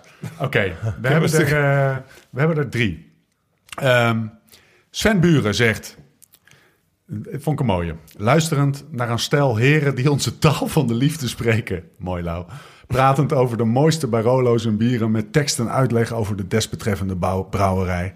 doet mij het kwelsap uit de wangen druipen. Achtergrondinformatie waar we eigenlijk niets aan hebben... maar ook zo lekker wegluistert... wanneer je bezig bent om jezelf weer een beetje meer wielrenner te maken... Of gewoon het file flirten van degene naast je aan het ontwijken bent. De imitaties van Nicky doen mij voorzichtig de tandjes blootleggen. Al met al, heren. Ga zo door. Oh ja, Thunderbolt. Stop met, stop met het knabbelen in de microfoon. Nog een andere, daar hebben we een geluidsfragment bij. Ehm eh, haar Steven en Laurens. Op vakantie in Colombia was Anderson vandaag mijn taxichauffeur. Een slanke Phil lange... Nee, ja, nee, Oh. An- Anderson. Oh, een, een slanke, dat zou wat zijn. Lanke, lange jongen van 27. Nee, het was niet veel. Hij kent alle Nederlandse renners en volgt alle koersen. Jammer genoeg kan hij zelf geen racefiets kopen, omdat het verdiende geld voor zijn jonge kind is. Maar daar gaat het bericht niet over. Hij vertelde me over de Tour Oro y Paz hier in Colombia. Jetse Bol kent hem ongetwijfeld. Spectaculaire landschap. Ik heb beelden gezien. Zeg fantastisch. En de mensen zijn gek op wielerkoersen. Hij doet een speciale oproep aan Laurens. Hoor maar in bijgaand fragment. Hoor ik graag terug in je podcast. ¿Ya? Ya. Hola, Lauren Sendan. Un saludo muy especial desde acá de Quimbaya, Quindío, en Colombia. Eh, quiero hacerle una, una invitación para, para que el próximo año nos acompañe en nuestro, eh, nuestra carrera procontinental, que es la Colombia Oro y Paz, para conocerlo personalmente. Entonces, por acá, bienvenido y, esperamos que nos visite. En dan de laatste. En dan eh, mag jij zeggen wie hem, eh, wie hem gewonnen Nou, ik heeft, heb Lau. vijf snel pakken mee, jongen. Nou, er allemaal dit, vond ik wel, een- dit vond ik wel een mooie. Ja, als je erin zou passen, zou je er ook een krijgen. Nou, nou, nou. Zo gezellig was die kerst ook weer niet hoor. Na een verwoestende brand, dit is best wel een serieuze, inspirerend en leerzaam, van Tom van Belen. Na een verwoestende brand in mijn bedrijfspand koos ik ervoor om te stoppen met het ondernemerschap en slow te gaan leven. Genieten van het gezin en jonge kinderen. Een half jaar later ben ik begonnen met wielrennen en kwam deze geweldige podcast op mijn pad. Deze mannen inspireren mij om meer te fietsen, harder te fietsen, stiekem over duinpa- duinpaden te crossen, het strand op te gaan. Maar vooral om dingen in perspectief te zien en me te doen herinneren aan mijn keuze om slow te leven. Omdat ik dat door de dagelijkse beslommeringen soms vergeet. Bedankt heren voor de vele uren inspirerende podcast en de vele uren die nog komen gaan. Ik kijk elke keer weer rijkhalzend, rijkhalzend uit naar de volgende. Cheers, Tom. Kan je zak steken weer dan. een, een portie zelfvervlekking hebben we weer, eh, hebben we weer gehad. Zullen wij deze drie mensen... ja, ze een, krijgen er eh, alle drie. Huppatee. Dus iedereen, dus Sven Buren, Ja, ik heb een hele tas eh, mee, man. Veronique in, in de persoon van Anderson, de taxichauffeur. en Drie man, drie Tom, toch? Ja. Stuur mij een, eh, een, eh, En Jonas en Jonas Riese, die, eh, Dag en nacht. waarvan ja, ja. waar- waarbij we beelden gaan bakken op, maken op het moment dat hij het pak aan het passen is. hebben we bij deze allemaal een, eh, een, eh, een snel pak eh, Maar dit van zijn, 10 nog eens, mo- Sunweb, dit zijn nog eens mooie reacties. Gaaf, hè, Marijn? Dit eh, on, on social media, zou je Vet, zeggen. Ja, mensen, zeker. mensen ja, jij hebt ook, dat is echt te lang voor de podcast, maar we hebben ook een hele lange review gekregen. Een Ja, A4'tje die was vol. vet. Ja. Zo vet, joh. Mensen Die had de hele pot, die had uit de alle afgelopen 18 podcasts iets gebruikt. Ja. slecht van ons dat we ze Hoeveelste was dit? Volgens mij de 24ste. Ja. Als die van thuis in twee knippen. Dat is Ja. toch best veel voor een maandelijkse podcast. Nee, maar weet je, kijk, je, hebt- je hebt wel mensen die hebben een, een, een motto. Maar kijk, jij bent, want jij bent nu 38.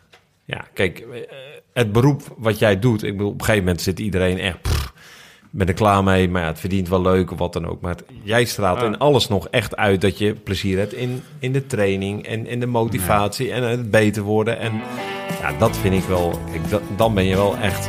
Dan, dan doe je wat je, wat je zegt, wat je, wat je wil Ja, zijn. ja. En dat vind ik, dat vind ik mooi. Dat is allemaal imago.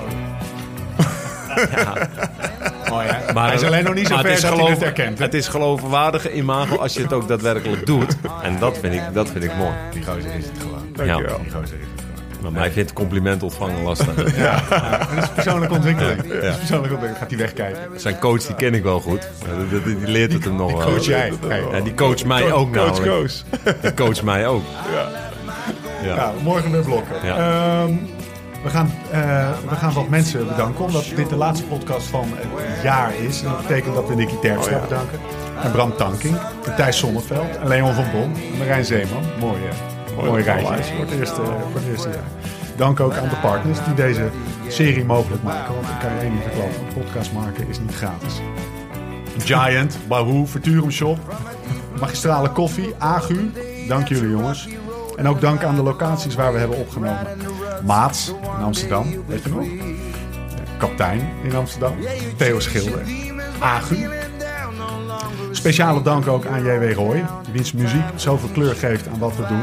Maar vooral dank aan jou, trouwe luisteraar. De podcast ging in maart live. En als we alle downloads bij elkaar optellen, komen we uit op ruim 670.000.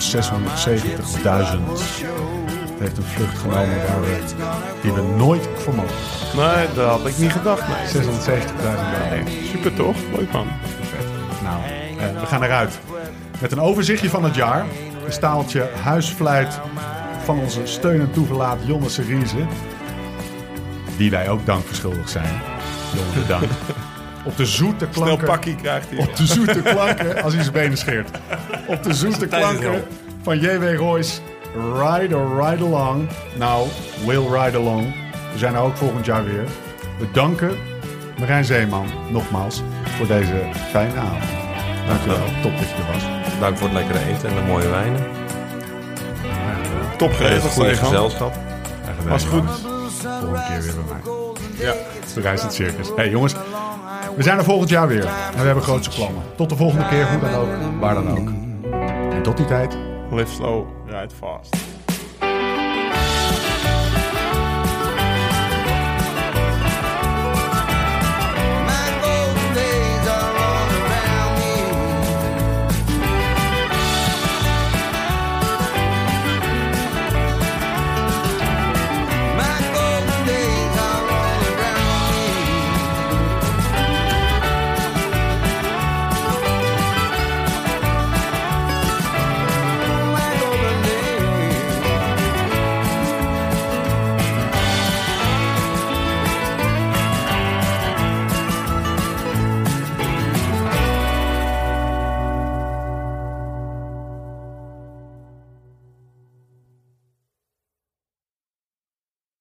Was het niet Joop die zei de fiets, de fiets en verder niets? Nou, wij gaan verder.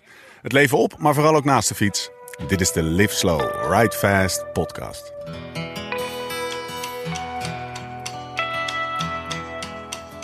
Dat was een van de eerste trouwens die dat deed. Ja, ik ben de most followed athlete. Daydreamer, tell me, tell me about your dreams and thoughts that keep you awake. Het is mijn eigen merk. Ik zeg, joh, proef eens. Nou, hij vond het lekker. Maar ja, dan na een uur, hè, na een uur zit ik, zeg ja, ik, kan, ik, ik denk dat ik kan, maar ik moet eerst kakken. Vanaf nu wordt het heel saai op Catalonië, Baskeland, Amstel, Romandie, Giro. En tussendoor doe ik helemaal niks, alleen trainen. Ik, ik speelde ook echt slim, maar ik, en ik was ook gewoon echt op dat moment gewoon de beste. En het is zo lekker om een keer de beste te zijn in koers. Hey, elke klim viel ik aan, jongen. En ik kwam ze weer terug en ik reed die hele rauwe bank ploeg op een hoop. Why, looking back, babe, looking back right now, don't you worry about the miles to come. Nee, ja, ik doe het echt precies andersom dan wat Ik ook. Ik, ook. ik noem mezelf modern trainer. Ja. Een, een drie kinderen regime. Ja, ja nee, dat is bij mij ook. Als, Ja. als de baby slaapt, Zwift aan, bam, bam, bam.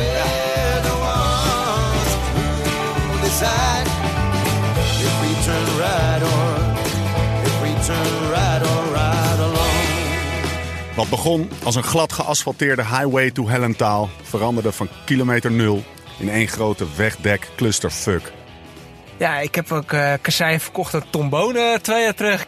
Maar wat zijn we die Duitse wegenbouwers eigenlijk dankbaar. Wat een dag. Dan schep ik s'avonds eten op, jongen. En dan lag er een aardappel op. En dan liep er een trainer naast. Dat zijn koolhydraten. Nee, joh. Ja, Ja, joh. godverdomme, ja. Daar loopt de motor op, weet je wel. Ik stond te tollen op mijn enough. Nou, ik ging in principe naar Amerika om na een jaar te stoppen. Ja? Ja. En eh, ik ben nu drie jaar later toch nog wielrenner. Deze podcast hangt samen van trivialiteiten. De podcast uit, eh, uit de Giro, dat Klaus zagrijnig was. Omdat hij, omdat hij nog geen brood had gehad. Ja, Tom was een van de twee renners die op het strand echt... eh, een, een van de twee profs die op het strand echt eh, bovenuit staan. Wie was de tweede? Lars Boom. Moeren. Moeren. Moeren moesten we altijd opletten. Ik heb niet met een meter daar gestaan natuurlijk. Alleen met een duimpje. Tomeloze enthousiasme waarmee kerels van rond de 40 hun gel scheten de vrije loop lieten. Rugnummers. Waar slaat dat op? Don't get him started. 6,6 procent. Dank u. Nee, als de, do- de dokter heeft me gezegd dat ik niks kapot had. Als jij specifiek voor de Kwaremond aan het trainen bent, omdat je Vlaanderen wil Voor de. Kwaremond. Als jij voor de Kwaremond wilt trainen, weet je wat je dan vooral moet doen? Nou, De Kwaremond oprijden. we zijn er doorheen. Tot de volgende keer. Hoe dan ook, waar dan ook. En voor de tussentijd, Live slow, ride fast. The crossroads, baby. Did it ever cross your mind? Here we are. Here we are. Here we are. Nou, dit hebben wij echt goed gedaan.